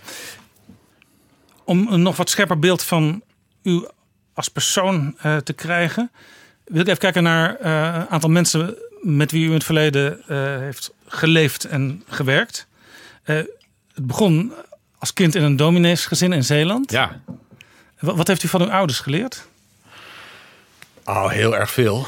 Ehm, nou, ik, ik, ik, ik, ik denk het meest ehm, eigenlijk eh, wat echt heel diep in de opvoeding verankerd zit en in de levenshouding van mijn ouders verankerd zit, dat is je bent niet voor jezelf op deze wereld. Hè? Dus je hebt er te zijn voor een ander als, als, als, als er op je wordt gerekend. Hè? Dus wij hadden altijd, mijn moeder deed altijd vrijwilligerswerk voor asielzoekers of voor voor de diaconie. Of, eh, mijn vader was natuurlijk altijd eh, weg en altijd op huisbezoek. En dus ja, van mijn ouders heb ik heel sterk dat meegekregen. Je, je bent er niet voor jezelf op aarde. Eh, je hebt een taak en je hebt er voor anderen te zijn. Dat is. eh, Werkt het soms ook wel belemmerend? Omdat eh, naar een zoon van de dominee wordt soms ook nog wel wat Ja. extra gekeken in de Ja. omgeving. Ja, absoluut. Nou, kijk, ik vond, het echt niet altijd leuk natuurlijk. Hè. Dus eh, eh, het wordt dan vaak gezegd dat het is een glazen huis. Nou, dat is het ook echt. En daar gingen we met name in Zaamslag. Ik was daar pas met mijn broer weer wezen fietsen trouwens. Heel erg leuk om weer eens terug te zijn. Maar daar heb ik lang gewoond. Ja, het langst denk ik gewoond. Als kind. Want wij verhuizen altijd vier jaar. Nou, dat is één element van wat niet leuk is. Dat je het elke, keer, elke vier jaar eigenlijk weer opnieuw kan beginnen met vriendjes maken. En, eh, en inburgeren, zeg maar. En integreren. Het andere wat niet leuk is, is ehm, dat eh, je, ja, je wordt heel erg in de gaten gehouden. hè. Dus eh daar gingen we kattenkwaad uithalen. En dan hadden we van die, je had vast van die ramen die dan open stonden. Prachtige witte vit- vitrage erachter. En dan hadden we van die rode besjes. En die kon je zo heerlijk in die witte vitrage schieten, bijvoorbeeld. En dan, eh, en dan kwamen ze naar buiten. En dan zei ze, ja, maar kan ik waar. Want je bent van een dominee. En dan was ik nog niet thuis geweest. Want mijn vader was al gebeld, weet je wel. Dus dat, dat, Ja, dat, ja. dat kwam wel voor. Maar En dan, Billenkoek? Nee, nou, toen ik het raam had ingeschoten van de Gereformeerde Kerk, dat deed ik natuurlijk niet bewust. Wij, mijn vader was eh dominee in de Hervormde Dat is Kerk. de concurrent. Precies, dus dat was ja, inmiddels niet meer. hè. Inmiddels is het allemaal eh, PKN natuurlijk, maar toen eh, zeker wel. En ehm, dus daar heb ik tot twee keer toe heb ik daar voetballend het raam ingeschopt. En dan moest ik van mijn vader moest ik excuus aanbieden aan de koster van de Gereformeerde Kerk. Ja, dat, dat was de straf op de zonde. Ja, ja. En we hadden, net, we hadden net over Thijs van den Brink. Die zou nu de vraag stellen... eh, heeft u het geloof uit die tijd vastgehouden?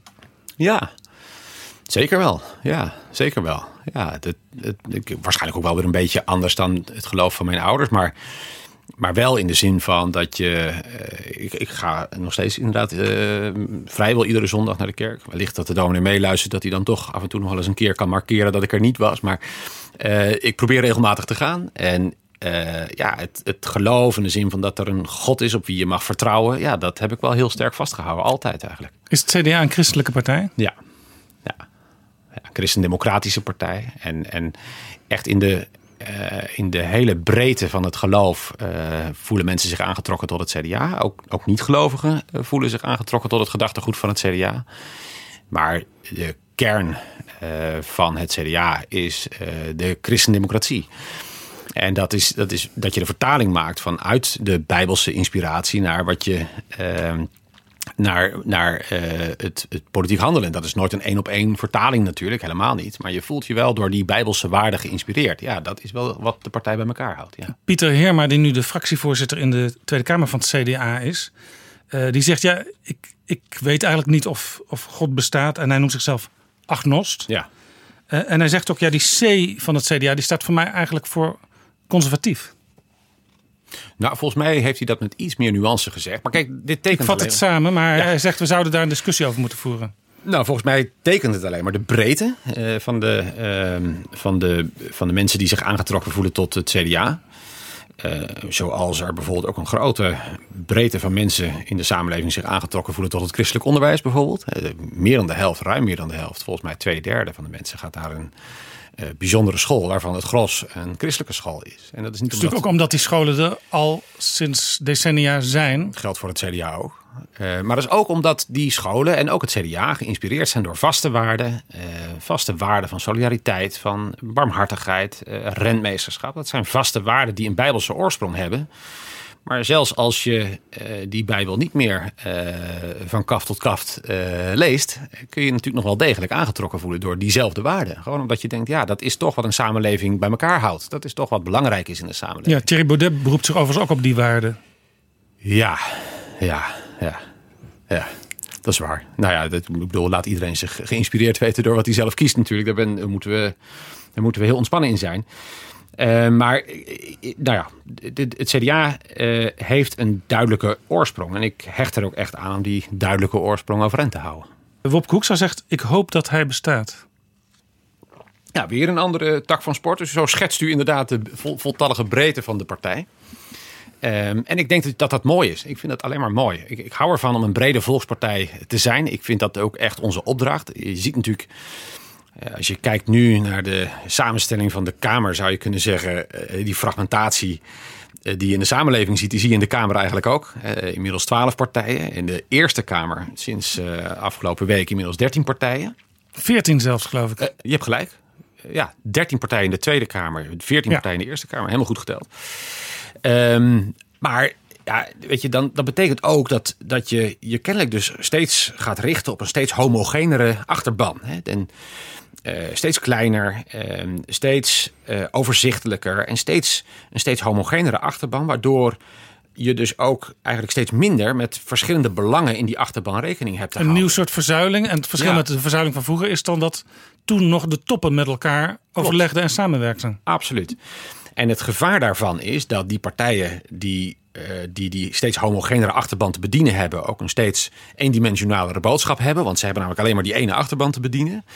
En daardoor is het ook steeds moeilijker bij elkaar te brengen. Dus ik, ik hecht heel erg aan het zijn van een volkspartij. eh, in alle breedte, qua opleidingsniveaus, qua eh, alle rangen, standen, klassen, et cetera. De hele samenleving moet verenigd zijn in die achterban. En waar, wat bindt dan? Wat bindt dan die brede achterban van het CDA? Dat zijn die waarden die zijn oorsprong vinden in de Bijbel, maar die breed eh, door de samenleving gewaardeerd worden en omarmd worden. Ja. Ehm, ik noemde uw ouders. Op een gegeven moment ging u vanuit eh, onderwijs lesgeven eh, naar de Tweede Kamerfractie om daar eh, te werken. Ja. Toen was, als ik goed, goed heb, Maxime Verhagen de fractievoorzitter. Ja. ja. Wat heeft u van hem geleerd? Nou, Maxime is natuurlijk een raspoliticus. Ja, dat was, voor mij was dat wel een overgang hoor. Ik was, uh, ik was adjunct-directeur in de Afrikaanderwijk. En ik had dat vier jaar gedaan. En toen dacht ik, ik ga wat anders doen. En het was volgens mij Mireille, mijn, mijn vrouw, die zei... Nou, waarom... Ik was al wel heel erg politiek betrokken, met name bij de politiek in Rotterdam. Waarom combineer je niet onderwijs en politiek? En toen kwam ze aan met een vacature toen bij de Tweede Kamerfractie als beleidsmedewerker onderwijs. Bij Jan de Vries overigens. Uh, toen woordvoerder onderwijs. En die kende ik nog van de Ichters Hogeschool. Hij was daar secretaris van het bestuur. En toen ik studeerde was ik daar secretaris van de Centrale Medezeggenschapsraad. Dus we hadden veel met elkaar te maken. Dus... Ja, Jan de Vries was toen Kamerlid en hij is nu... Hij werkt nu bij het CNV. Ah ja. Het Christelijk Nationaal Vakverbond. Ja. Hè, precies, ja. En, uh, nee, en dus toen kwam ik naar de Kamer. En toen, ja, dat, toen was het uh, geluk nog heel gewoon. Want toen had het CDA nog gewoon 44 zetels. Uh, hè, dat was een levensgrote fractie natuurlijk. Toen was het nog echt een volkspartij? Absoluut. en en ja, stevig aangevuurd door, door Maxime. Ja, en wat ik, wat ik mooi vond aan hem is zijn enorme gedrevenheid. En uh, daarbij kon hij natuurlijk ook wel eens stevig zijn in de fractie. En, uh, maar goed, ik, ik, heb dat wel, uh, ik heb dat wel met heel veel belangstelling, heel veel interesse gevolgd toen. Ja, Hij werd ook wel gewantrouwd door andere partijen. Ja, maar dat is ook, hij was ook gewoon goed in zijn vak. hij bereikte dingen. hij fixte dingen. Ja, en dat. dat en als of is het niet erg als je af en toe gewantrouwd wordt in de politiek? Nou, Um, kijk, dat hangt er vanaf. Uh, kijk, dat kan natuurlijk ook gewoon je effectiviteit in de politiek te, uh, uh, zeg maar in de weg staan. Dus ik, ik hou erg van een stijl van, van politiek waarin je natuurlijk wel de dingen bereikt die je, die je wil bereiken. En die passen bij je achterban, die passen bij waar je voor staat als, als partij. Maar nooit ten koste van een ander. En, en dat moet je altijd willen voorkomen. Want dat levert altijd schade op waar je ooit een keer last van krijgt. Dus ja. U werd politiek assistent van minister Marja van Bijsterveld, minister van Onderwijs. Ja, nou eerst van Maria van der Hoeven. Uh, die was toen minister. En die, daar heb ik toen de campagne nog mee gedaan. Dat was 2006. En daarna van Marja van Bijsterveld inderdaad. Ja. En daar heeft u een hele sterke band mee. Ja, nog steeds. Ja, zeker. Ja, daar heb ik, heb ik ook veel van geleerd. Zij is een hele atypische uh, politicus eigenlijk. Hè? Dus zij... Uh, ik denk dat ik later in mijn wethouderschap heel erg ben gaan doen, eigenlijk wat zij heel erg van nature had. Namelijk uh, heel erg die samenwerking aangaan over de partijgrenzen heen. Het was wel eens. Uh, bijvoorbeeld hadden wij haar stevig voorbereid natuurlijk voor een debat. Uh, van, van, van snode politieke adviezen voorzien. maar dan kwam er een, een motie van de SP en dan ging ze die hartstochtelijk staan omarmen. En dan zei ik tegen haar, waarom doe je dat nou? Je bent, je bent de SP helemaal niets verplicht. Uh, de laatste keer dat ik iets van enthousiasme hoorde vanuit de SP voor jouw beleid, het is ook al een tijd terug. Dus waarom doe je dat nou? Dat, zo zat ik toen in de wedstrijd. En toen zei ze, ah joh, uh, zij de parfum bij de geur. Uh, het was toch gewoon een goed voorstel. En daar heb ik ontzettend veel van geleerd. Dat je samenwerkt over de partijgrenzen heen. En dat je, uh, dat je een idee op zijn inhoudelijke merites beoordeelt. En daarvan denkt, ja, dit is, dit is gewoon iets goeds. En, en werkte het toen ook zo dat zij dan later wel iets terugkreeg van de SP? Nou, het werkt wel zo dat, kijk, uiteindelijk, politici zijn echt gewoon mensen. Namelijk, als je mensen graag mag, ben je geneigd om, om liever met elkaar samen te werken, toch? Dat, dat, zo werkt het in de gewone mensenwereld ook. En zo werkt het ook in de politieke wereld natuurlijk. En dus daar heb ik veel van geleerd. En ik, uh, ja, ik vind haar fantastisch. Ja, ze is uh, zeer gedreven, zeer gedreven. En wat zij ook heel mooi had, vond ik altijd als je.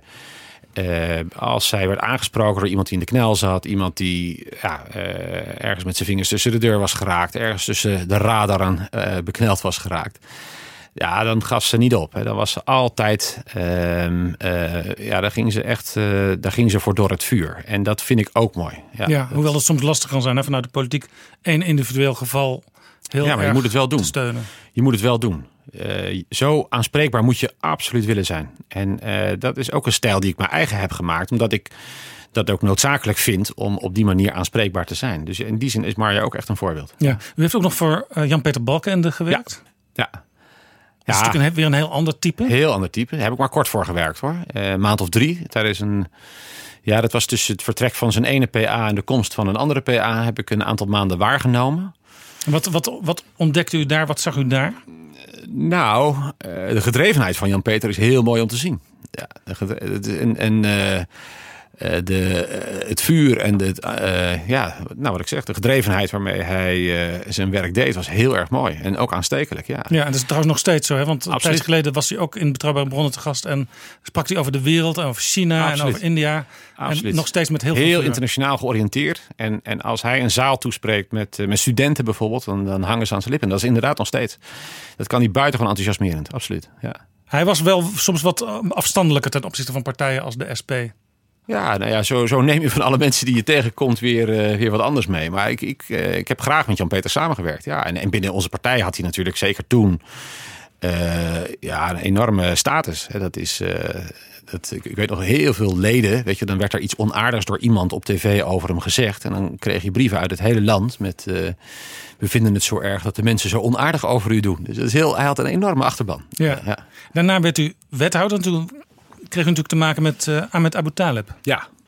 Dat is weer een, heel, weer een heel ander type. Ja, maar over aan, aanspreekbaarheid gesproken, hè, of over gedrevenheid gesproken. Ja, zeer aanwezig eh, in het college, in de gemeenteraad. Drukt echt zijn stempel op die stad. Ehm, en wat, wat ik met hem heel mooi vond om te doen, wij hadden. Eh, je had in Rotterdam altijd de stuurgroep Veilig. Veilig. Veiligheid is eigenlijk sinds het eerste Leefbaar College in 2002... was veiligheid eigenlijk min of meer het belangrijkste thema van Rotterdam. En dat is eigenlijk nooit meer overgegaan. En ehm, wat daar geregeld was, was een stuurgroep veilig met, met de chef van de politie en de chef van het OM, maar ook eh, de verantwoordelijke beleidsmensen vanuit de gemeente, waarbij je in gezamenlijkheid het veiligheidsbeleid voor de stad eh, uitzette. Dus nog breder dan wat normaal de driehoek is. Ja, breder dan de driehoek nog. Naast de driehoek de stuurgroep veilig. Namelijk alle beleidsonderdelen die bij konden dragen aan de veiligheid, eh, die hoorden daarbij. En dus ook de zorg, want ook dat heeft een veiligheidsaspect. Dus Ja. ik ging vrij vaak ging ik met hem mee in de wijk. En daar organiseren we dan stuurgroep veilig in de wijk. En dat was gewoon, dan ging je in Bospolder zitten, eh, waar serieuze veiligheidsproblemen sp- eh, speelden. Of in de Millingsbuurt, of in de Afrikaanderwijk. Of... En eh, nou, dan zaten we naast elkaar en dan, dan was het over en weer. Dus ja, gewoon eh, eh, mensen die vertelden waar ze tegenaan liepen. En dan moest de wijkagent erbij komen. En wat heb je er eigenlijk al aan gedaan? En die moest dan vertellen wat hij er al aan gedaan had. Maar ook wel eens dat er geklaagd werd. Eh, door jongeren, eh, bijvoorbeeld dat er geen buurthuis was. En dat dat de reden was dat er zoveel jeugdoverlast was. En daarvan was hij dan buitengewoon ferm. En dan sprak hij ze heel direct aan. Eh, De groeten Ja. met je buurthuis. Weet je wel, eh, vertel- hij er, zijn, vertelde- er zijn bibliotheken zat in de Ik stad. ben, ik ben ook een keer met hem meegelopen in Rotterdam. Toen vertelde hij dat hij soms wel eens op vrijdagavond bijvoorbeeld...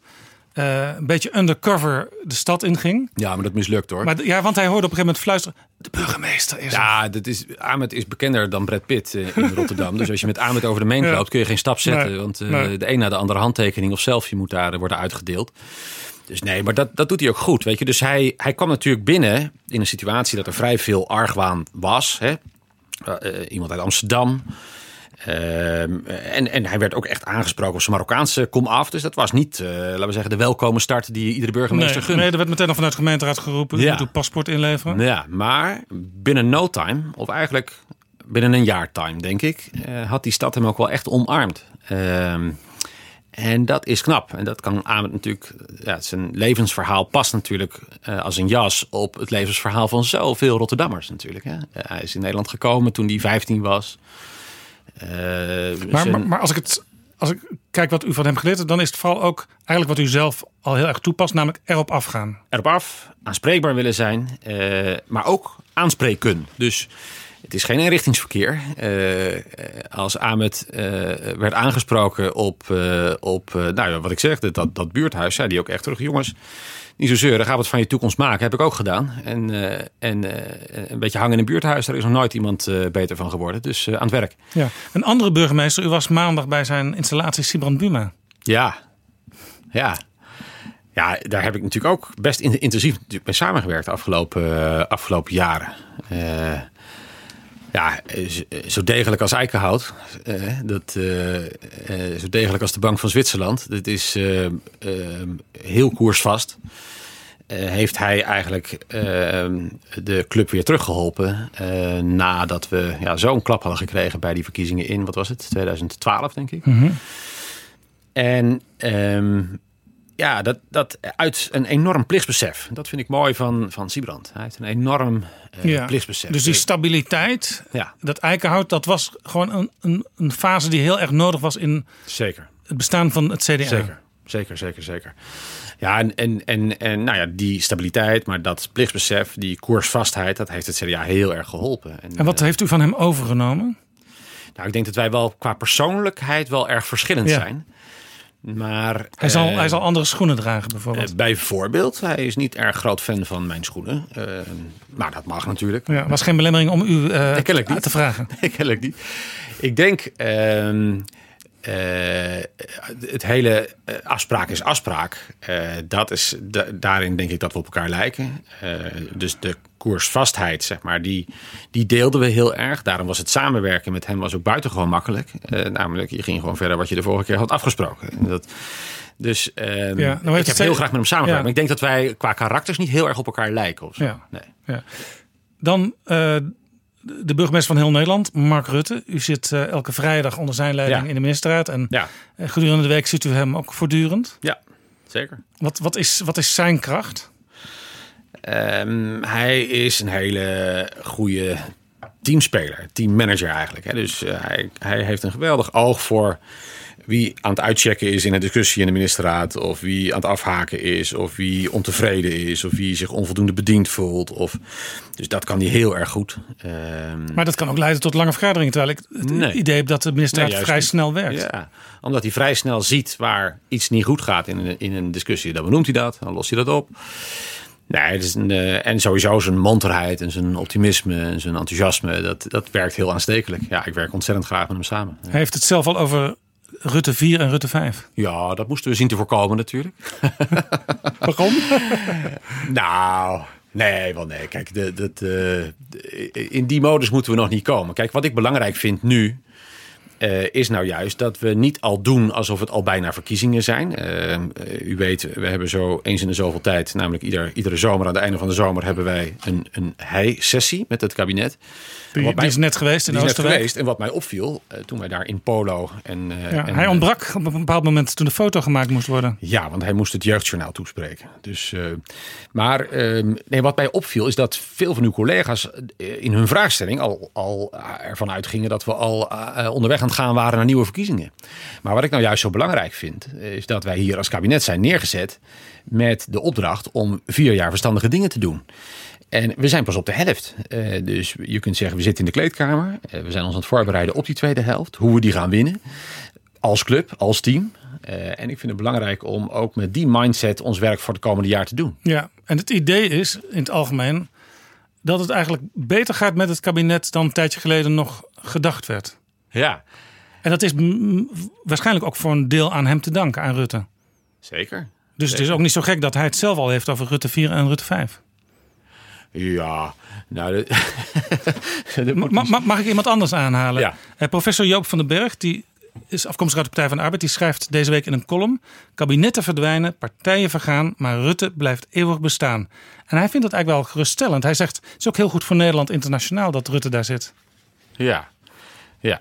Nou ja, weet je, eh, vraag het me over een tijdje nog eens. Eh, dan zal ik een wat gearticuleerder antwoord hierop geven. Ik vind voor nu, vind ik in ieder geval voor ons als eh, kabinetsploeg belangrijk om de mindset te hebben. We zijn pas op de helft. En we hebben nog heel veel te doen. En, en in alle ernst, we hebben onszelf ook best een grote opdracht meegegeven bij onze start. De, die opdracht staat eigenlijk in de titel van het regeerakkoord. Vertrouwen in de toekomst. En in die eerste paar pagina's van het regeerakkoord staat denk ik onze opdracht heel mooi verwoord. Namelijk dat we willen werken aan het herstellen van, van het vertrouwen van de mensen in de politiek. Die dat vertrouwen ook aan het verliezen waren. Het vertrouwen aan het verliezen waren dat Den Haag er voor hen was. En ik denk dat eh, wat, waarom u en uw collega's nu iets enthousiaster zijn over dit kabinet eh, in deze fase dan een jaar geleden, is omdat u volgens mij ziet dat dit kabinet in staat is om, om dingen voor elkaar te krijgen die van belang zijn voor de samenleving als geheel, voor de samenleving ook on the longer run, dus op de langere termijn. En ik denk dat wij de samenleving een slechte dienst zouden bewijzen als we al te vroeg in verkiezingsmodus eh, geraken. En dat is ook de reden dat ik ja, toch wat terughoudend ben om op eh, dit soort vragen antwoord te geven. Dat komt wel, maar we moeten nu gewoon ons werk doen. En ons werk is eh, doorgaan met die opdracht die we onszelf hebben meegegeven. En bijvoorbeeld met het pensioenakkoord of met het klimaatakkoord is het ons inderdaad gelukt om te komen tot ja, belangrijke besluiten, grote besluiten, die ook verder rijken dan deze kabinetsperiode. En ik denk dat daar onze kracht ligt van, ja, van de politieke samenstelling van dit kabinet. Ja, en er zijn ook nog gaandeweg een paar irritaties weggewerkt. Hè? De afschaffing van, de van de dividendbelasting is niet doorgegaan. Dat was een wat mindere episode, zou je kunnen zeggen. Ja. Over het kinderpardon is een overeenkomst gekomen. Zeker. Dus, dus het gaat goed met het kabinet, zou je kunnen zeggen. U zei net in het begin van het regeerakkoord staat... we willen het vertrouwen in de politiek terugbrengen. Heeft u het idee dat dat al een beetje terugkomt, dat vertrouwen? Nou, ehm, wij volgen natuurlijk eh, heel goed de een vandaag opiniepanels. En daar zie je wel eh, dat de rapportcijfers voor het kabinet nu iets beter zijn dan daarvoor. Maar daar moeten we ons niet op blind staren. Want laten we vooral tegen elkaar zeggen, omdat het ook waar is, dat eh, die opdracht eigenlijk onverminderd groot is hoor. Er zijn natuurlijk nog steeds grote groepen die zich, die zich onvoldoende vertegenwoordigd voelen. Grote groepen die echt wel onzekerheid hebben ook over de toekomst. Um, en laten we daar ook van zeggen, die onzekerheid is niet onterecht. Um, die zorg is niet onterecht. Uh, geopolitieke ontwikkelingen bijvoorbeeld, die spelen een belangrijke rol. Um, en uh, we zien natuurlijk ook allemaal wel, ja, we hebben het eigenlijk heel erg goed in ons landje. Maar lukt het ons eigenlijk wel om dat vast te houden? Hè? Zullen onze kinderen het eigenlijk nog wel net zo goed hebben als dat wij het hebben? De fear of falling. En, en, en dat speelt natuurlijk nog steeds. En daarvoor is het nodig dat er een politiek is die Ehm, die, die zorgen onder ogen ziet. En ook dat lange termijn perspectief aan die zorgen weet te verbinden. En, en ook een antwoord weet te geven wat recht doet aan de zorgen die mensen hebben. Niet door te beloven, we gaan alles voor je oplossen. Dat soort beloftes uh, zijn volstrekt onzinnig en moet je niet willen doen in de politiek. Maar wel door uh, te laten zien dat je de zorgen begrijpt. En dat je eh, bereid bent eh, te werken aan een echte oplossing. Ook als die spannend is, ook als die pijn doet. Ook als je daarmee moet samenwerken met partijen eh, die heel anders in de wedstrijd zitten. En dat is denk ik wat dit kabinet kan doen. In deze coalitie werken eigenlijk vier heel verschillende partijen samen. En toch lukt het om vanuit dat politieke midden, zou je kunnen zeggen, uh, antwoorden te geven op grote vragen van deze tijd. Dat is gelukt met het klimaatakkoord, dat is gelukt met het pensioenakkoord. En ik vind dat we op die koers verder moeten. Dat is de kracht volgens mij van deze politieke samenwerking. Ja, er komt nu een fonds uh, om vanwege de lage rentestand makkelijk te kunnen lenen voor dingen die op termijn rendement opleveren. Ik zal het maar even het Wopke-fonds noemen. Heeft het u veel moeite gekost om hem ervan te overtuigen dat het zo moet gaan? Ja, dit, dit is, u bent heel goed in uw vak. Zo heel casual zo tijdens het gesprek zo'n vraag erin fietsen die zomaar wel eens zou kunnen raken natuurlijk aan de miljoenennota. Dus daar kan ik gevaarlijk. Ja, bloedlink. Dus daar kan ik op dit moment gewoon geen antwoord op geven. Maar iedereen is er blij mee, dus, dus u kunt het gewoon. Nee, maar de uh, beleidschap laten we die vast incasseren dan. Maar eh, laten we ook zeggen, uh, stil maar, wacht maar. Dat, dat komt op, op, maar het is een op, beetje, Prinsjesdag. Het is een beetje zeker voor de minister maar van Financiën. even uit ja? dat, je, dat je zegt, kijkend naar die toekomst. Uh, waar gaan wij eigenlijk in de toekomst ons geld mee verdienen? Dat is natuurlijk wel een vraagstuk waar het kabinet zich al langer mee bezighoudt. Collega Wiebes doet dat. Uh, collega Hoekstra doet dat. Collega Mona Keizer doet dat. Uh, dus er zijn natuurlijk collega's die, die zich met elkaar het hoofd breken over die vraag. Waar gaan we in de toekomst ons geld mee verdienen? En daar zul je op tijd je op moeten prepareren, zeker. Ja. Heeft u ook al enkele miljarden aangevraagd bij de minister? Bij de zorg is eigenlijk iets heel anders aan de hand. Want uh, de kosten voor de gezondheidszorg zullen inderdaad heel erg gaan stijgen voor de komende tijd. Maar de belangrijkste vraag daar is niet zozeer. Uh, denk ik, hoe kunnen we het straks nog betalen? We zijn een heel solidair landje, dus wij, wij zijn bereid heel veel geld aan onze zorg uit te geven. Maar veel eerder komt al de vraag aan de orde: hoe houden we onze zorg organiseerbaar? Als de vraag naar zorg zo stijgt en als de arbeidsmarkt eigenlijk eerder krapper wordt in plaats van ruimer, hoe voorkomen we dan straks dat uh, een kwart van de mensen in de zorg moet werken, bijvoorbeeld? Dat, Ja. dat gaat namelijk nooit Ja. gebeuren. En dus zullen we slimmer en anders onze zorg moeten organiseren om dicht bij huis die zorg beschikbaar te houden voor mensen. En in zekere zin doe je dan hetzelfde, namelijk tegemoetkomen aan de zorg die mensen hebben van, ja, maar is die zorg er straks nog wel voor mij als ik het nodig heb? Kan ik er dan nog wel op rekenen? Is die voor mij nog wel beschikbaar? Eh, dus je geeft een antwoord op die onzekerheid van mensen. En als je de zorg organiseerbaar houdt op die manier, doe je ook iets met de betaalbaarheid. Ja, maar als het gaat over het verdienvermogen van Nederland, dan is, dan is zorg niet echt het ministerie dat daarbij hoort. Nee, wij geven uit. Ja. Daar worden we ook alle dagen aan herinnerd door eh, financiën. Maar de- ons ministerie geeft vooral uit. Hoewel, moet ik zeggen, eh, innovaties in de zorg natuurlijk wel weer interessant zijn. Ook in internationaal perspectief. Om ook eh, ja, eh, eh, daar weer aan te verdienen, ook in het buitenland. Dat kan. Maar het verdienen, daar zit niet, dat is niet het grootste doel op het departement van VWS. Nee, dus u bent niet de eerste die profiteert van het Wopke-fonds. Ja, weer een hele subtiele andere manier om diezelfde vraag te stellen. Ik ga op, eh, op de berichten in de, in de krant ga ik natuurlijk niet in. Dat wordt eh, met de miljoenennota. Nee, maar kijk, eh, we zijn als kabinet zijn we natuurlijk bezig ons te oriënteren. Ja, Raymond Knop zei dat bij onze hijssessie. We zullen Ja, de staatssecretaris van Binnenlandse Zaken. Zeker. We zullen telkens onze koplamp als kabinet iets hoger af moeten stellen om ja, eh, eh, ons licht te laten schijnen over die vraagstukken van de toekomst. En daar hoort bij hoe verdienen we in de toekomst ons geld. Zeker. Ja, dan even van het geld naar de, de ethiek. Eh, uw coalitiepartner D66 die moordt af en toe, Pia Dijkstra met name. Zij zegt, het is wel erg stil rond medisch-ethische vraagstukken. En dan is het natuurlijk ook zo dat in het regeerakkoord daar een soort bezweringsformule staat. Er worden dingen onderzocht, maar er worden niet echt heel snel nieuwe besluiten genomen. Nou was er deze week een, een rechtszaak over een arts die euthanasie had toegepast bij een mevrouw die zwaar dement was. Toen ze nog bij zinnen was, heeft ze meermaals gezegd: onder bepaalde omstandigheden wil ik niet doorleven. Maar nu zei ze, als het haar gevraagd werd: ik wil nog niet dood. Haar familie zegt, maar het was wel degelijk haar diepste wens. Het Openbaar Ministerie vervolgt die arts nu voor moord. Er wordt wel bijgezegd: wij gaan verder niet eh, straf opleggen of zo. Hoe kijkt u naar zo'n verhaal? Nou, eerst, eerst even over dat eerste. eh, namelijk de mate waarin eh, we daadwerkelijk stappen zetten als het gaat over medische ethiek. Ehm, eh, kijk, een van de spannendste onderwerpen natuurlijk in deze constellatie is medische ethiek. Eh, want eh, je hebt aan de ene kant heb je D66 eh, en de VVD. En aan de andere kant heb je het CDA en de ChristenUnie, de confessionele en de liberalen. Ja, eigenlijk een, een, een echt een ouderwetse tegenstelling die vroeger ook al speelde bij onderwerpen als abortus. Zeker. En als het gaat over medisch-ethische onderwerpen, is dit natuurlijk wel een beetje een exotische constellatie om tot eensluidendheid te komen. En daarom is er inderdaad lang over gesproken bij de formatie. Hebben we in de coalitie ehm, eh, daar natuurlijk van, van tijd tot tijd ook gesprekken over.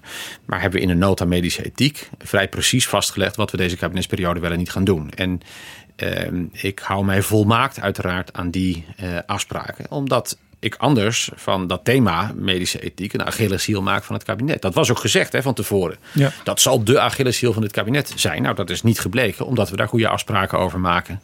En gewoon zorgen dat we elkaar daar ook aan die afspraken houden. Dan die, dan die zaak, die rechtszaak. Ja, daar zegt het Openbaar Ministerie eigenlijk.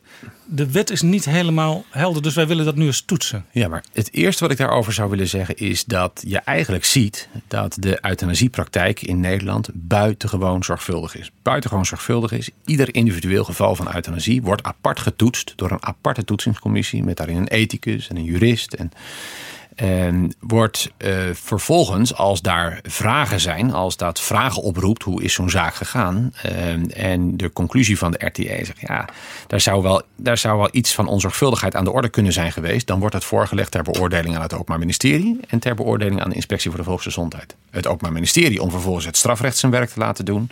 En de inspectie om vervolgens het tuchtrecht zijn werk te laten Ja, doen. heel zorgvuldig. Super zorgvuldig. Nou is bij een van die zaken eh, heeft het Openbaar Ministerie gezegd... ja, dit willen we toch voor een nadere precisering eigenlijk van de wetsuitleg. Dat gaat dus over eh, dementie eh, en over in welke mate een wilsverklaring... in welke mate de, de geuite wil van de cliënt consistent moet zijn... Namelijk, je hebt de wilsverklaring. En, maar al- als mensen vervolgens andere signalen afgeven dan ze destijds in die wilsverklaring hebben gezet, hoe moet je dat dan willen lezen? Eh, en ik denk eerlijk gezegd dat dat heel zinnig is, omdat je daarmee weer een preciezere uitleg krijgt. En ik denk dat het heel erg nodig is om telkens weer opnieuw onze euthanasiepraktijk in Nederland goed te blijven uitleggen. Je ziet ook internationaal dat dat nodig is, want daar wordt nogal eens wat onzin over verkocht hoe dat in Nederland geregeld is. Eh, maar de zorgvuldigheid en de evenwichtigheid waarmee dat gaat in Nederland is denk ik heel erg belangrijk. En daar waar we artsen kunnen helpen om meer guidance te geven, moeten we dat denk ik willen doen. Dus ik snap ook heel goed eh, dat nu die rechtszaak speelt. Over de inhoud van de zaak ga ik natuurlijk niks Nee. zeggen, want dat is echt aan de rechter. Nee. Dus we moeten niet op elkaar stoel gaan zitten. Ja, en dat via rechtspraak eh, wordt gekomen tot een nadere verduidelijking van wetten. Ja, dat is natuurlijk altijd zo. Dat noemen we gewoon jurisprudentie. Ja. Dat zie je overal. Nou, nou zegt de, het Openbaar Ministerie zegt wij begrijpen waarom de arts zo heeft gehandeld.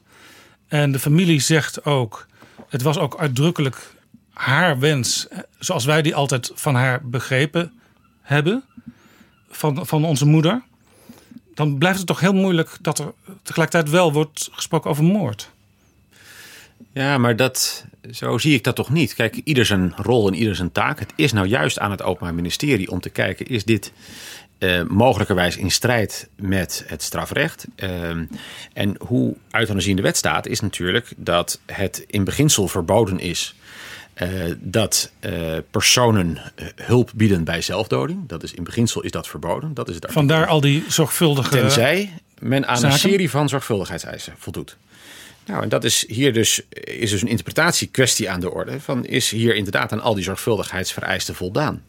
Ik kan de redeneerlijn van het, van het Openbaar Ministerie kan ik goed volgen. Ik kan overigens ook goed volgen dat het voor een arts of voor de betrokken familie natuurlijk een heel heftig en een heel zwaar woord is. Dat kan ik natuurlijk ook heel goed begrijpen. Kan het er uiteindelijk toe leiden, als er een, straks een rechtelijke uitspraak is, uh, dat u de wet opnieuw tegen het licht gaat houden? Dat kan ik nu niet zo goed overzien. Dus daar wil ik ook maar eventjes geen uitspraak over doen. Ik denk dat het verstandig is om echt de uitspraak van de rechter af te wachten. Ja. ja. Iets heel anders. U sprak deze week op het Christelijk Sociaal Congres. Ja. En u verzette zich daar pagina's lang tegen het liberalisme. Wat is het probleem met het liberalisme? Nou, wat ik heb gedaan is, is de parallel getrokken met de tijd van, uh, van uh, Abraham Kuyper, het allereerste Christelijk Sociaal Congres, 1891. Uh, toch een beetje het verzet tegen de geest der tijd. Kuiper werd de, de, de, de klokkenist van de kleine luiden genoemd. Ja. Omdat de sociale kwestie op dat moment was. Uh, de, uh, je had een enorme industriële revolutie gehad natuurlijk. Maar eigenlijk zag je dat heel veel arbeiders daardoor in de knel waren gekomen. Enorme sociale problemen. bij arbeiders. En eigenlijk zag je ook dat tegelijkertijd de politiek daar eigenlijk heel erg lang niks aan deed. Uh, men vond eigenlijk, uh, de, het liberale dogma van staatsonthouden, men vond eigenlijk dat de politiek niet zo aanspreekbaar was op fatsoenlijke huisvesting, fatsoenlijke gezondheidszorg, fatsoenlijke arbeidsomstandigheden. En ook in eigen kring, dat werd dan in, in Kuiperiaanse kringen, de ARP, werd dat natuurlijk geen, geen, geen liberalisme genoemd, maar werd dat eigenlijk vooral soevereiniteit in eigen kring genoemd. Maar ook in eigen kring was, was men niet heel erg enthousiast over een al te dominante rol van de overheid als het ging over sociale problematiek. Ja, het was ook een beetje van overheid blijf weg, want wij regelen ja, het onderling zelf exact, wel in onze zaal. Exact. En Kuiper zag dat is onvoldoende. En daarom werd hij ook de klokkenist van de kleine luiden genoemd. En uh, wat ik. Uh, kijk, de tijd is natuurlijk helemaal anders. Het lijkt niet op toen. Uh, Nederland en van alle landen in de wereld, als je zou mogen kiezen, zou je het liefst in Nederland willen wonen. Natuurlijk. Zeker als het gaat over sociale voorzieningen. Dus er zijn heel veel. zaken natuurlijk totaal anders en totaal onvergelijkbaar. Maar het interessante is wel dat ook nu je, je ziet dat mensen zich zorgen maken en dat de overheid niet altijd het beste antwoord geeft op die zorgen. En een vraagstuk wat ik daar uh, benoem. En dat is kijk, het thema wat van, van het Christelijk Sociaal Congres was uh, verbondenheid als, als de nieuwe sociale kwestie. En ik, ik heb daarvan gezegd, ja, ik geloof dat dat waar is.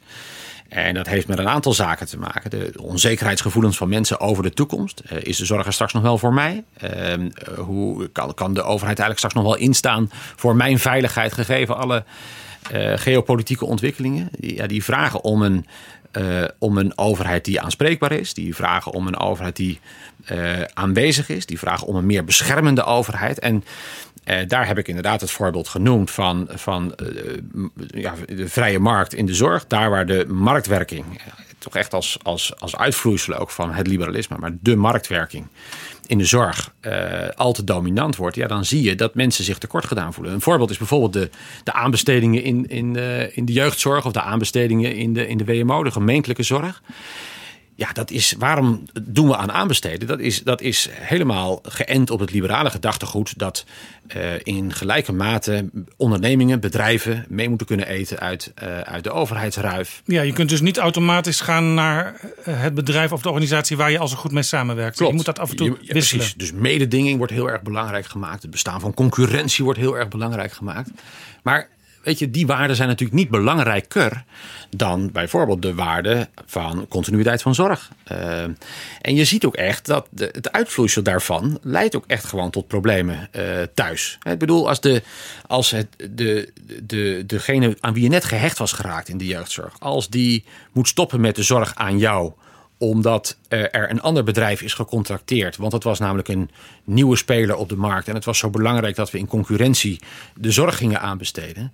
Ja, dan, dan, dan doe je dus afbreuk eh, aan eh, datgene wat eigenlijk vanuit het perspectief van de zorg veel belangrijker is. Een veel belangrijker waarde is, namelijk van de continuïteit van zorg. U zegt eigenlijk het, het liberalisme leidt soms tot dogmatisch handelen. Zeker Ja. als het over dit soort dingen gaat. Zeker. En uw conclusie is: niet op alle terreinen kun je de ultieme vormen van concurrentie en Nee, wat ik eigenlijk zeg, daar waar het gaat toepassen. over het, publieke domein. eh, en zorg is gewoon echt onderdeel van het publieke domein. Daar moet je de waarde van de markt, eh, zeg maar, neoliberale waarden. eh, eh, niet belangrijker maken dan, dan, dan nou, iets als samenwerking bijvoorbeeld. Of iets als continuïteit van zorg. Dus pas nou op. En, en we hebben natuurlijk wel een, een, een lange periode van geloof in de zegeningen van de markt achter de rug. Eh, en ik denk dat het tijd is voor een nieuw verhaal. En dat verhaal gaat over een beschermende overheid. Dat verhaal gaat over een sterkere samenleving. Dat verhaal gaat over eh, het weer opnieuw ja, doorleven eigenlijk van de waarden die ook in de christelijke sociale traditie belangrijk worden gevonden. Eh, en dat verhaal gaat ook over de politiek van het midden. Daar hadden we het natuurlijk net al over. Maar ik geloof ook echt dat die politiek van het midden kan helpen om die verbondenheid in de samenleving weer terug te krijgen. Ja, u zei net, we hebben nog twee jaar te gaan als kabinet, dus ik ga nog geen campagne voeren nu. Eh, maar in feite spreekt u hier wel het liberalisme, en in de praktijk is dat natuurlijk eh, bijvoorbeeld de VVD en bijvoorbeeld D66, rechtstreeks aan. ja, dat mag niet helemaal verrassend zijn als je moet spreken op een eh christelijk sociaal congres. Wat natuurlijk in zijn had ook kunnen oorsprong... zeggen, oh nee, ik moet nog twee jaar regeren. Dat doe ik niet. Nee, nee, nee. nee. Ik, ik, ik mag ze allemaal graag. Ze We mochten even in, werken ook in, uw, graag in samen. uw hersenpan kijken. Nou nee, kijk, wat, eh, wat ik belangrijk vind is dat... ehm, eh, ja, ik, ik heb hier mijn verhaal verteld op het Christelijk eh, Sociaal Congres. Nou, die, die traditie van het Christelijk Sociaal Congres... en de traditie van mijn eigen politieke gezinten... zijn natuurlijk zo met elkaar verweven. Ook in zijn oorsprong zo met elkaar verweven. En ik vind daar een aantal interessante parallellen in zitten... die ik graag heb willen benoemen. Als het gaat over de, de zorgen van de kleine luiden serieus nemen... en daar perspectief aan willen bieden. Als het gaat over een, een, een beschermende overheid willen zijn... eh, er willen zijn eh, voor die mensen die ook die overheid nodig hebben. Toen werd dat genoemd als schild voor de zwakken. En als hoeder tegen onrecht. Ja, dat is eigenlijk nog steeds hartstikke actueel. Ja. Eh, waarden als, als, als solidariteit, als rentmeesterschap. Dat zijn waarden ja, waar onze eh, christendemocratische traditie, mijn eigen partij, op geënt is. Dat zijn onze geboortepapieren, zou je kunnen zeggen.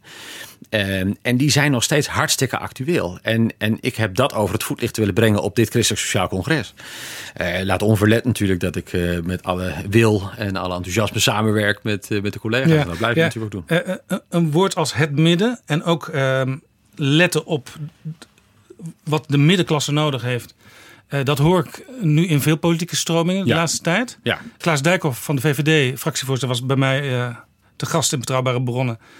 En hij verzette zichzelf tegen het beeld wat over de VVD lang gevestigd is. Ja. Namelijk, die partij staat voor de grote bedrijven. Ja. Hij zei letterlijk, ik ben niet de spreekbuis van VNO en CW. Met andere woorden, misschien is de solidariteit on- onder de politieke partijen wel groter dan u mag verwachten. Want in andere partijen wordt ook nagedacht over hoe kunnen wij misschien Nederland wat socialer maken. Ja, dat klopt. En dat, dat vind ik alleen maar goed nieuws. Hè. Dus het is, ehm, eh, dat, dat juich ik alleen maar toe. Eh, je ziet inderdaad dat, dat ook andere partijen eh, die middenklasse hebben ontdekt. Ehm, eh, en dat is alleen maar goed, vind ik. Hè. Want dat, daar zijn serieuze problemen. Daar spelen serieuze problemen. Als we het hebben over de fear of falling bijvoorbeeld... dan zie je dat het met name bij de middenklasse echt speelt. Hè. De, de angst dat het, dat het allemaal minder wordt in Nederland... Ja, die zie je inderdaad daar. Die zorgen van gewone mensen zie je inderdaad daar. Ja, ja, ik, En, ik, ik, en dus moeten we daar een antwoord op zien te vinden. Ja. En, en moet het politieke midden daar ook een antwoord ja, op ik zien had te in vinden. Betrouwbare Bronnen deze aflevering ook een gesprek met Mariette Hamer en de eh, voorzitter eh, Luce van Kempen van eh, het jongerenplatform van de SER. En zelfs bij jongeren, eigenlijk misschien nog wel in, in hevige mate, komen een aantal hele stressvolle situaties samen. Bijvoorbeeld, moet ik wel of niet geld lenen en hoeveel om te kunnen studeren? Eh, kan ik wel of niet een huurwoning of, of een koophuis krijgen? Eh, moet ik bij mijn ouders blijven wonen? Eh, wanneer kan ik aan een gezin beginnen? Heel veel van die dingen komen samen. Dus het speelt nu eigenlijk op alle niveaus in de samenleving speelt deze discussie heel Ja. erg. En ik denk dat dat heel erg goed is. Ik denk wat, wat, wat ik hier heel mooi van vind, is dat de, eh, eh, de, de, de, de jongere SER hier een advies heeft gemaakt. Omdat inderdaad, als je kijkt naar de generatie van jongeren, dan speelt eh, de baard aan onzekerheden die überhaupt gelden, denk ik, voor mensen in de samenleving, speelt heel sterk inderdaad voor jongeren. En dat zij ook vanuit dat perspectief van de jonge generatie ehm, ehm, ja, daarvoor aandacht vragen, dat vind ik, eh, dat vind ik ijzersterk. Ehm, en, en dat wij dat alle generaties zich dus mede verantwoordelijk hebben te voelen eh, voor de zorgen die jongeren hebben. Ja, dat, dat vind ik nou de kern van, van wat solidariteit is. Ja, Dit, is, dit is denk ik uw eerste speech bij dat Christelijk Sociaal Congres. Uw eerste grote speech over koers. En dus ook wel over de koers van het CDA zou je kunnen Ja. zeggen. Hoewel die partij nauwelijks genoemd wordt in die speech. Maar iedereen weet natuurlijk, u bent van het CDA. Zeker. Spreekt op zo'n congres. Zeker, die ondertiteling heb ik er niet bij hoeven geven, denk ik. Kwam, kwam dit, de behoefte om zo'n speech te geven ook een beetje voort uit het idee dat eh, uw collega in het kabinet en in het CDA, Wopke Hoekstra, eh, inmiddels al meerdere van dit soort speeches heeft gegeven? Nee. Nee, dat is, daar zijn we niet mee bezig. Kijk, dat is, dat is iets heel, dat is heel grappig. Kijk, we, we hebben het daar best wel eens over natuurlijk. Maar waar we vooral erg hard om moeten lachen, dat, dat is dat, eh, dat de buitenwacht, en daar, eh, ja, daar, daar maak ik u dan ook even onderdeel van, daar zoveel meer mee bezig is eh, dan wij zelf. Kijk, wat, wat ik net zei over het kabinet. Hè, we moeten echt voorkomen dat we, eh, dat we in verkiezingsmodus gaan. We, we hebben gewoon eh, te besturen. We hebben gewoon ons werk te doen. Dat geldt heel sterk ook voor ons. En dat voelen we allebei zo. Ehm, wij moeten gewoon ons werk doen waarvoor we zijn aangesteld. En, en hoe langer we de verkiezing en ook de vraag eh, van het lijsttrekkerschap eh, naar achter kunnen plaatsen, hoe beter het is. Want we, moeten, eh, we hebben echt wel een, een, een volle baan. Hè. Het is, er is ongelooflijk veel werk te doen.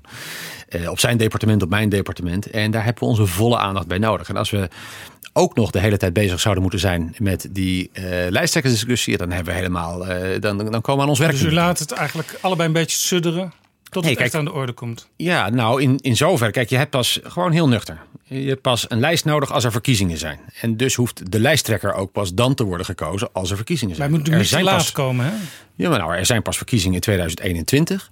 Dus eh, het zou heel raar zijn als we nu alle dagen bezig zouden zijn eh, met de lijsttrekkersverkiezing. En ehm, dat gaan we dus ook niet doen. En dat ben ik niet van plan. En Wopke is dat ook niet van plan. Ehm, wij gaan gewoon ons werk doen. En Maar iedereen die u een speech ziet houden, zeker Ja. als zo'n inhoudelijke en ideologische speech is. En dat geldt volgende week ook weer voor Wop- Wopke Hoekstra als hij de HJ schoollezing houdt.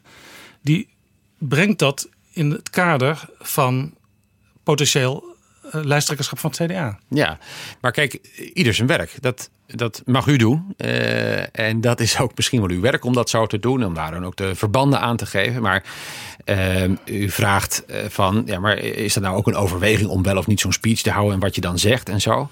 En het antwoord op die vraag is: nee, wij zijn bezig met ons werk. Maar natuurlijk zijn wij ook ja, lid van die partij. Een van de boegbeelden natuurlijk ook van die partij. Maar we zijn allemaal in het kabinet en in de fractie zijn we boegbeelden van die partij. En we zijn daarmee dus ook allemaal woordvoerder van die koers van de partij. Dus overal waar u CDA-kamerleden tegenkomt, of waar u CDA-bewindslieden tegenkomt op een podium met een microfoon in de handen, eh, zult u mensen horen bijdragen aan eh, de taak die ze nu hebben, maar ook aan de koers van die partij. En dat is eh, niet iets wat enkele is voorbehouden. Dat is ons allemaal voorbehouden. U zult straks ook Pieter Heerma bij de Algemeen Politieke Beschouwingen eigenlijk een verhaal horen houden. CDA nu min of meer leiderloos. Want Herma heeft al gezegd, ik zal niet de lijsttrekker worden. Nee, joh, maar het is heel eenvoudig. De, de, de fractie heeft een leider en dat is Pieter Heerma. Het smalde in het kabinet eh, mag ik. eh, Maar daarboven zit niemand. leiden. Nou, we hebben Rutger Ploem, die voorzitter is van de partij. En Ja, maar die zien we nooit in- ja, maar je hebt in pas een, Nieuwsuur. Ja, maar je hebt pas Bijna een nooit. lijsttrekker nodig als er ook een lijst te maken is. En dat hoeft pas bij verkiezingen. En, en wat ik eh, zeg is dat eh, ik echt vind dat wij gewoon ons werk moeten doen. En dat we niet alle dagen bezig moeten zijn met die lijsttrekkersverkiezing. U mag dat doen.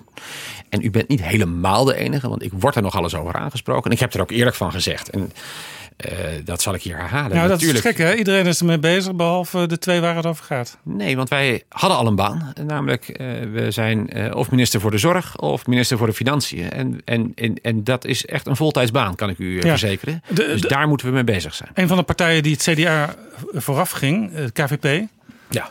Eh, heeft wel eens meerdere lijsttrekkers tegelijkertijd gehad. Is dat een optie? nou, dat, eh, laten we zeggen, we zullen het in alle overwegingen meenemen. Maar eh, dat, dat, dat, nou, dat lijkt me ook niet het meest logisch, toch? Maar weet je, ik, natuurlijk heb ik, ik heb het ook gezegd tegen Jan Hoedeman in een interview. Ja, in het Algemeen. Dagblad Ja. onlangs. U ging met hem vissen.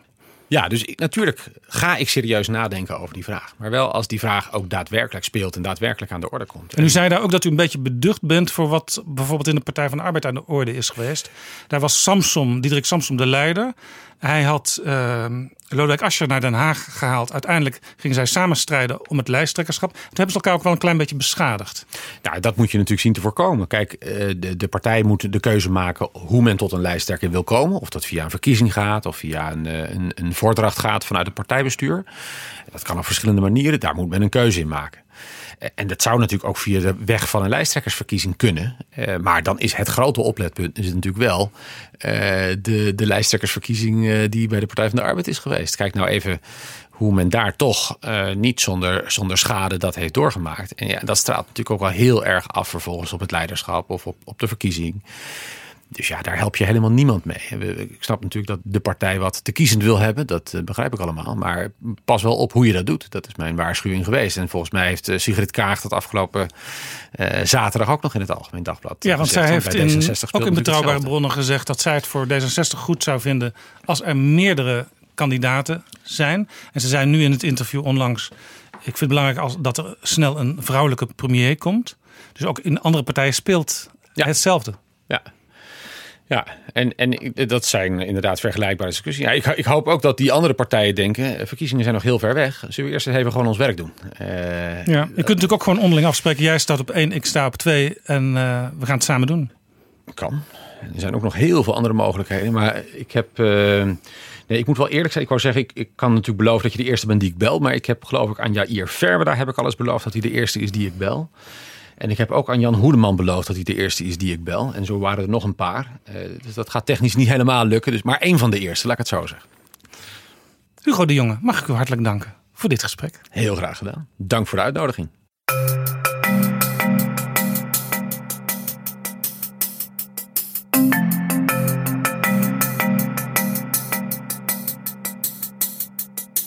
Zo, dit was de eerste aflevering van Betrouwbare Bronnen in het tweede seizoen.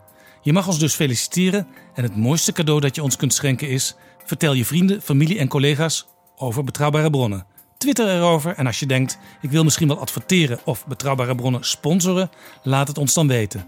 Dan maken we van seizoen 2 opnieuw een prachtig Betrouwbare Bronnenjaar. Betrouwbare bronnen wordt gemaakt door Jaap Jansen in samenwerking met dag en nacht.nl.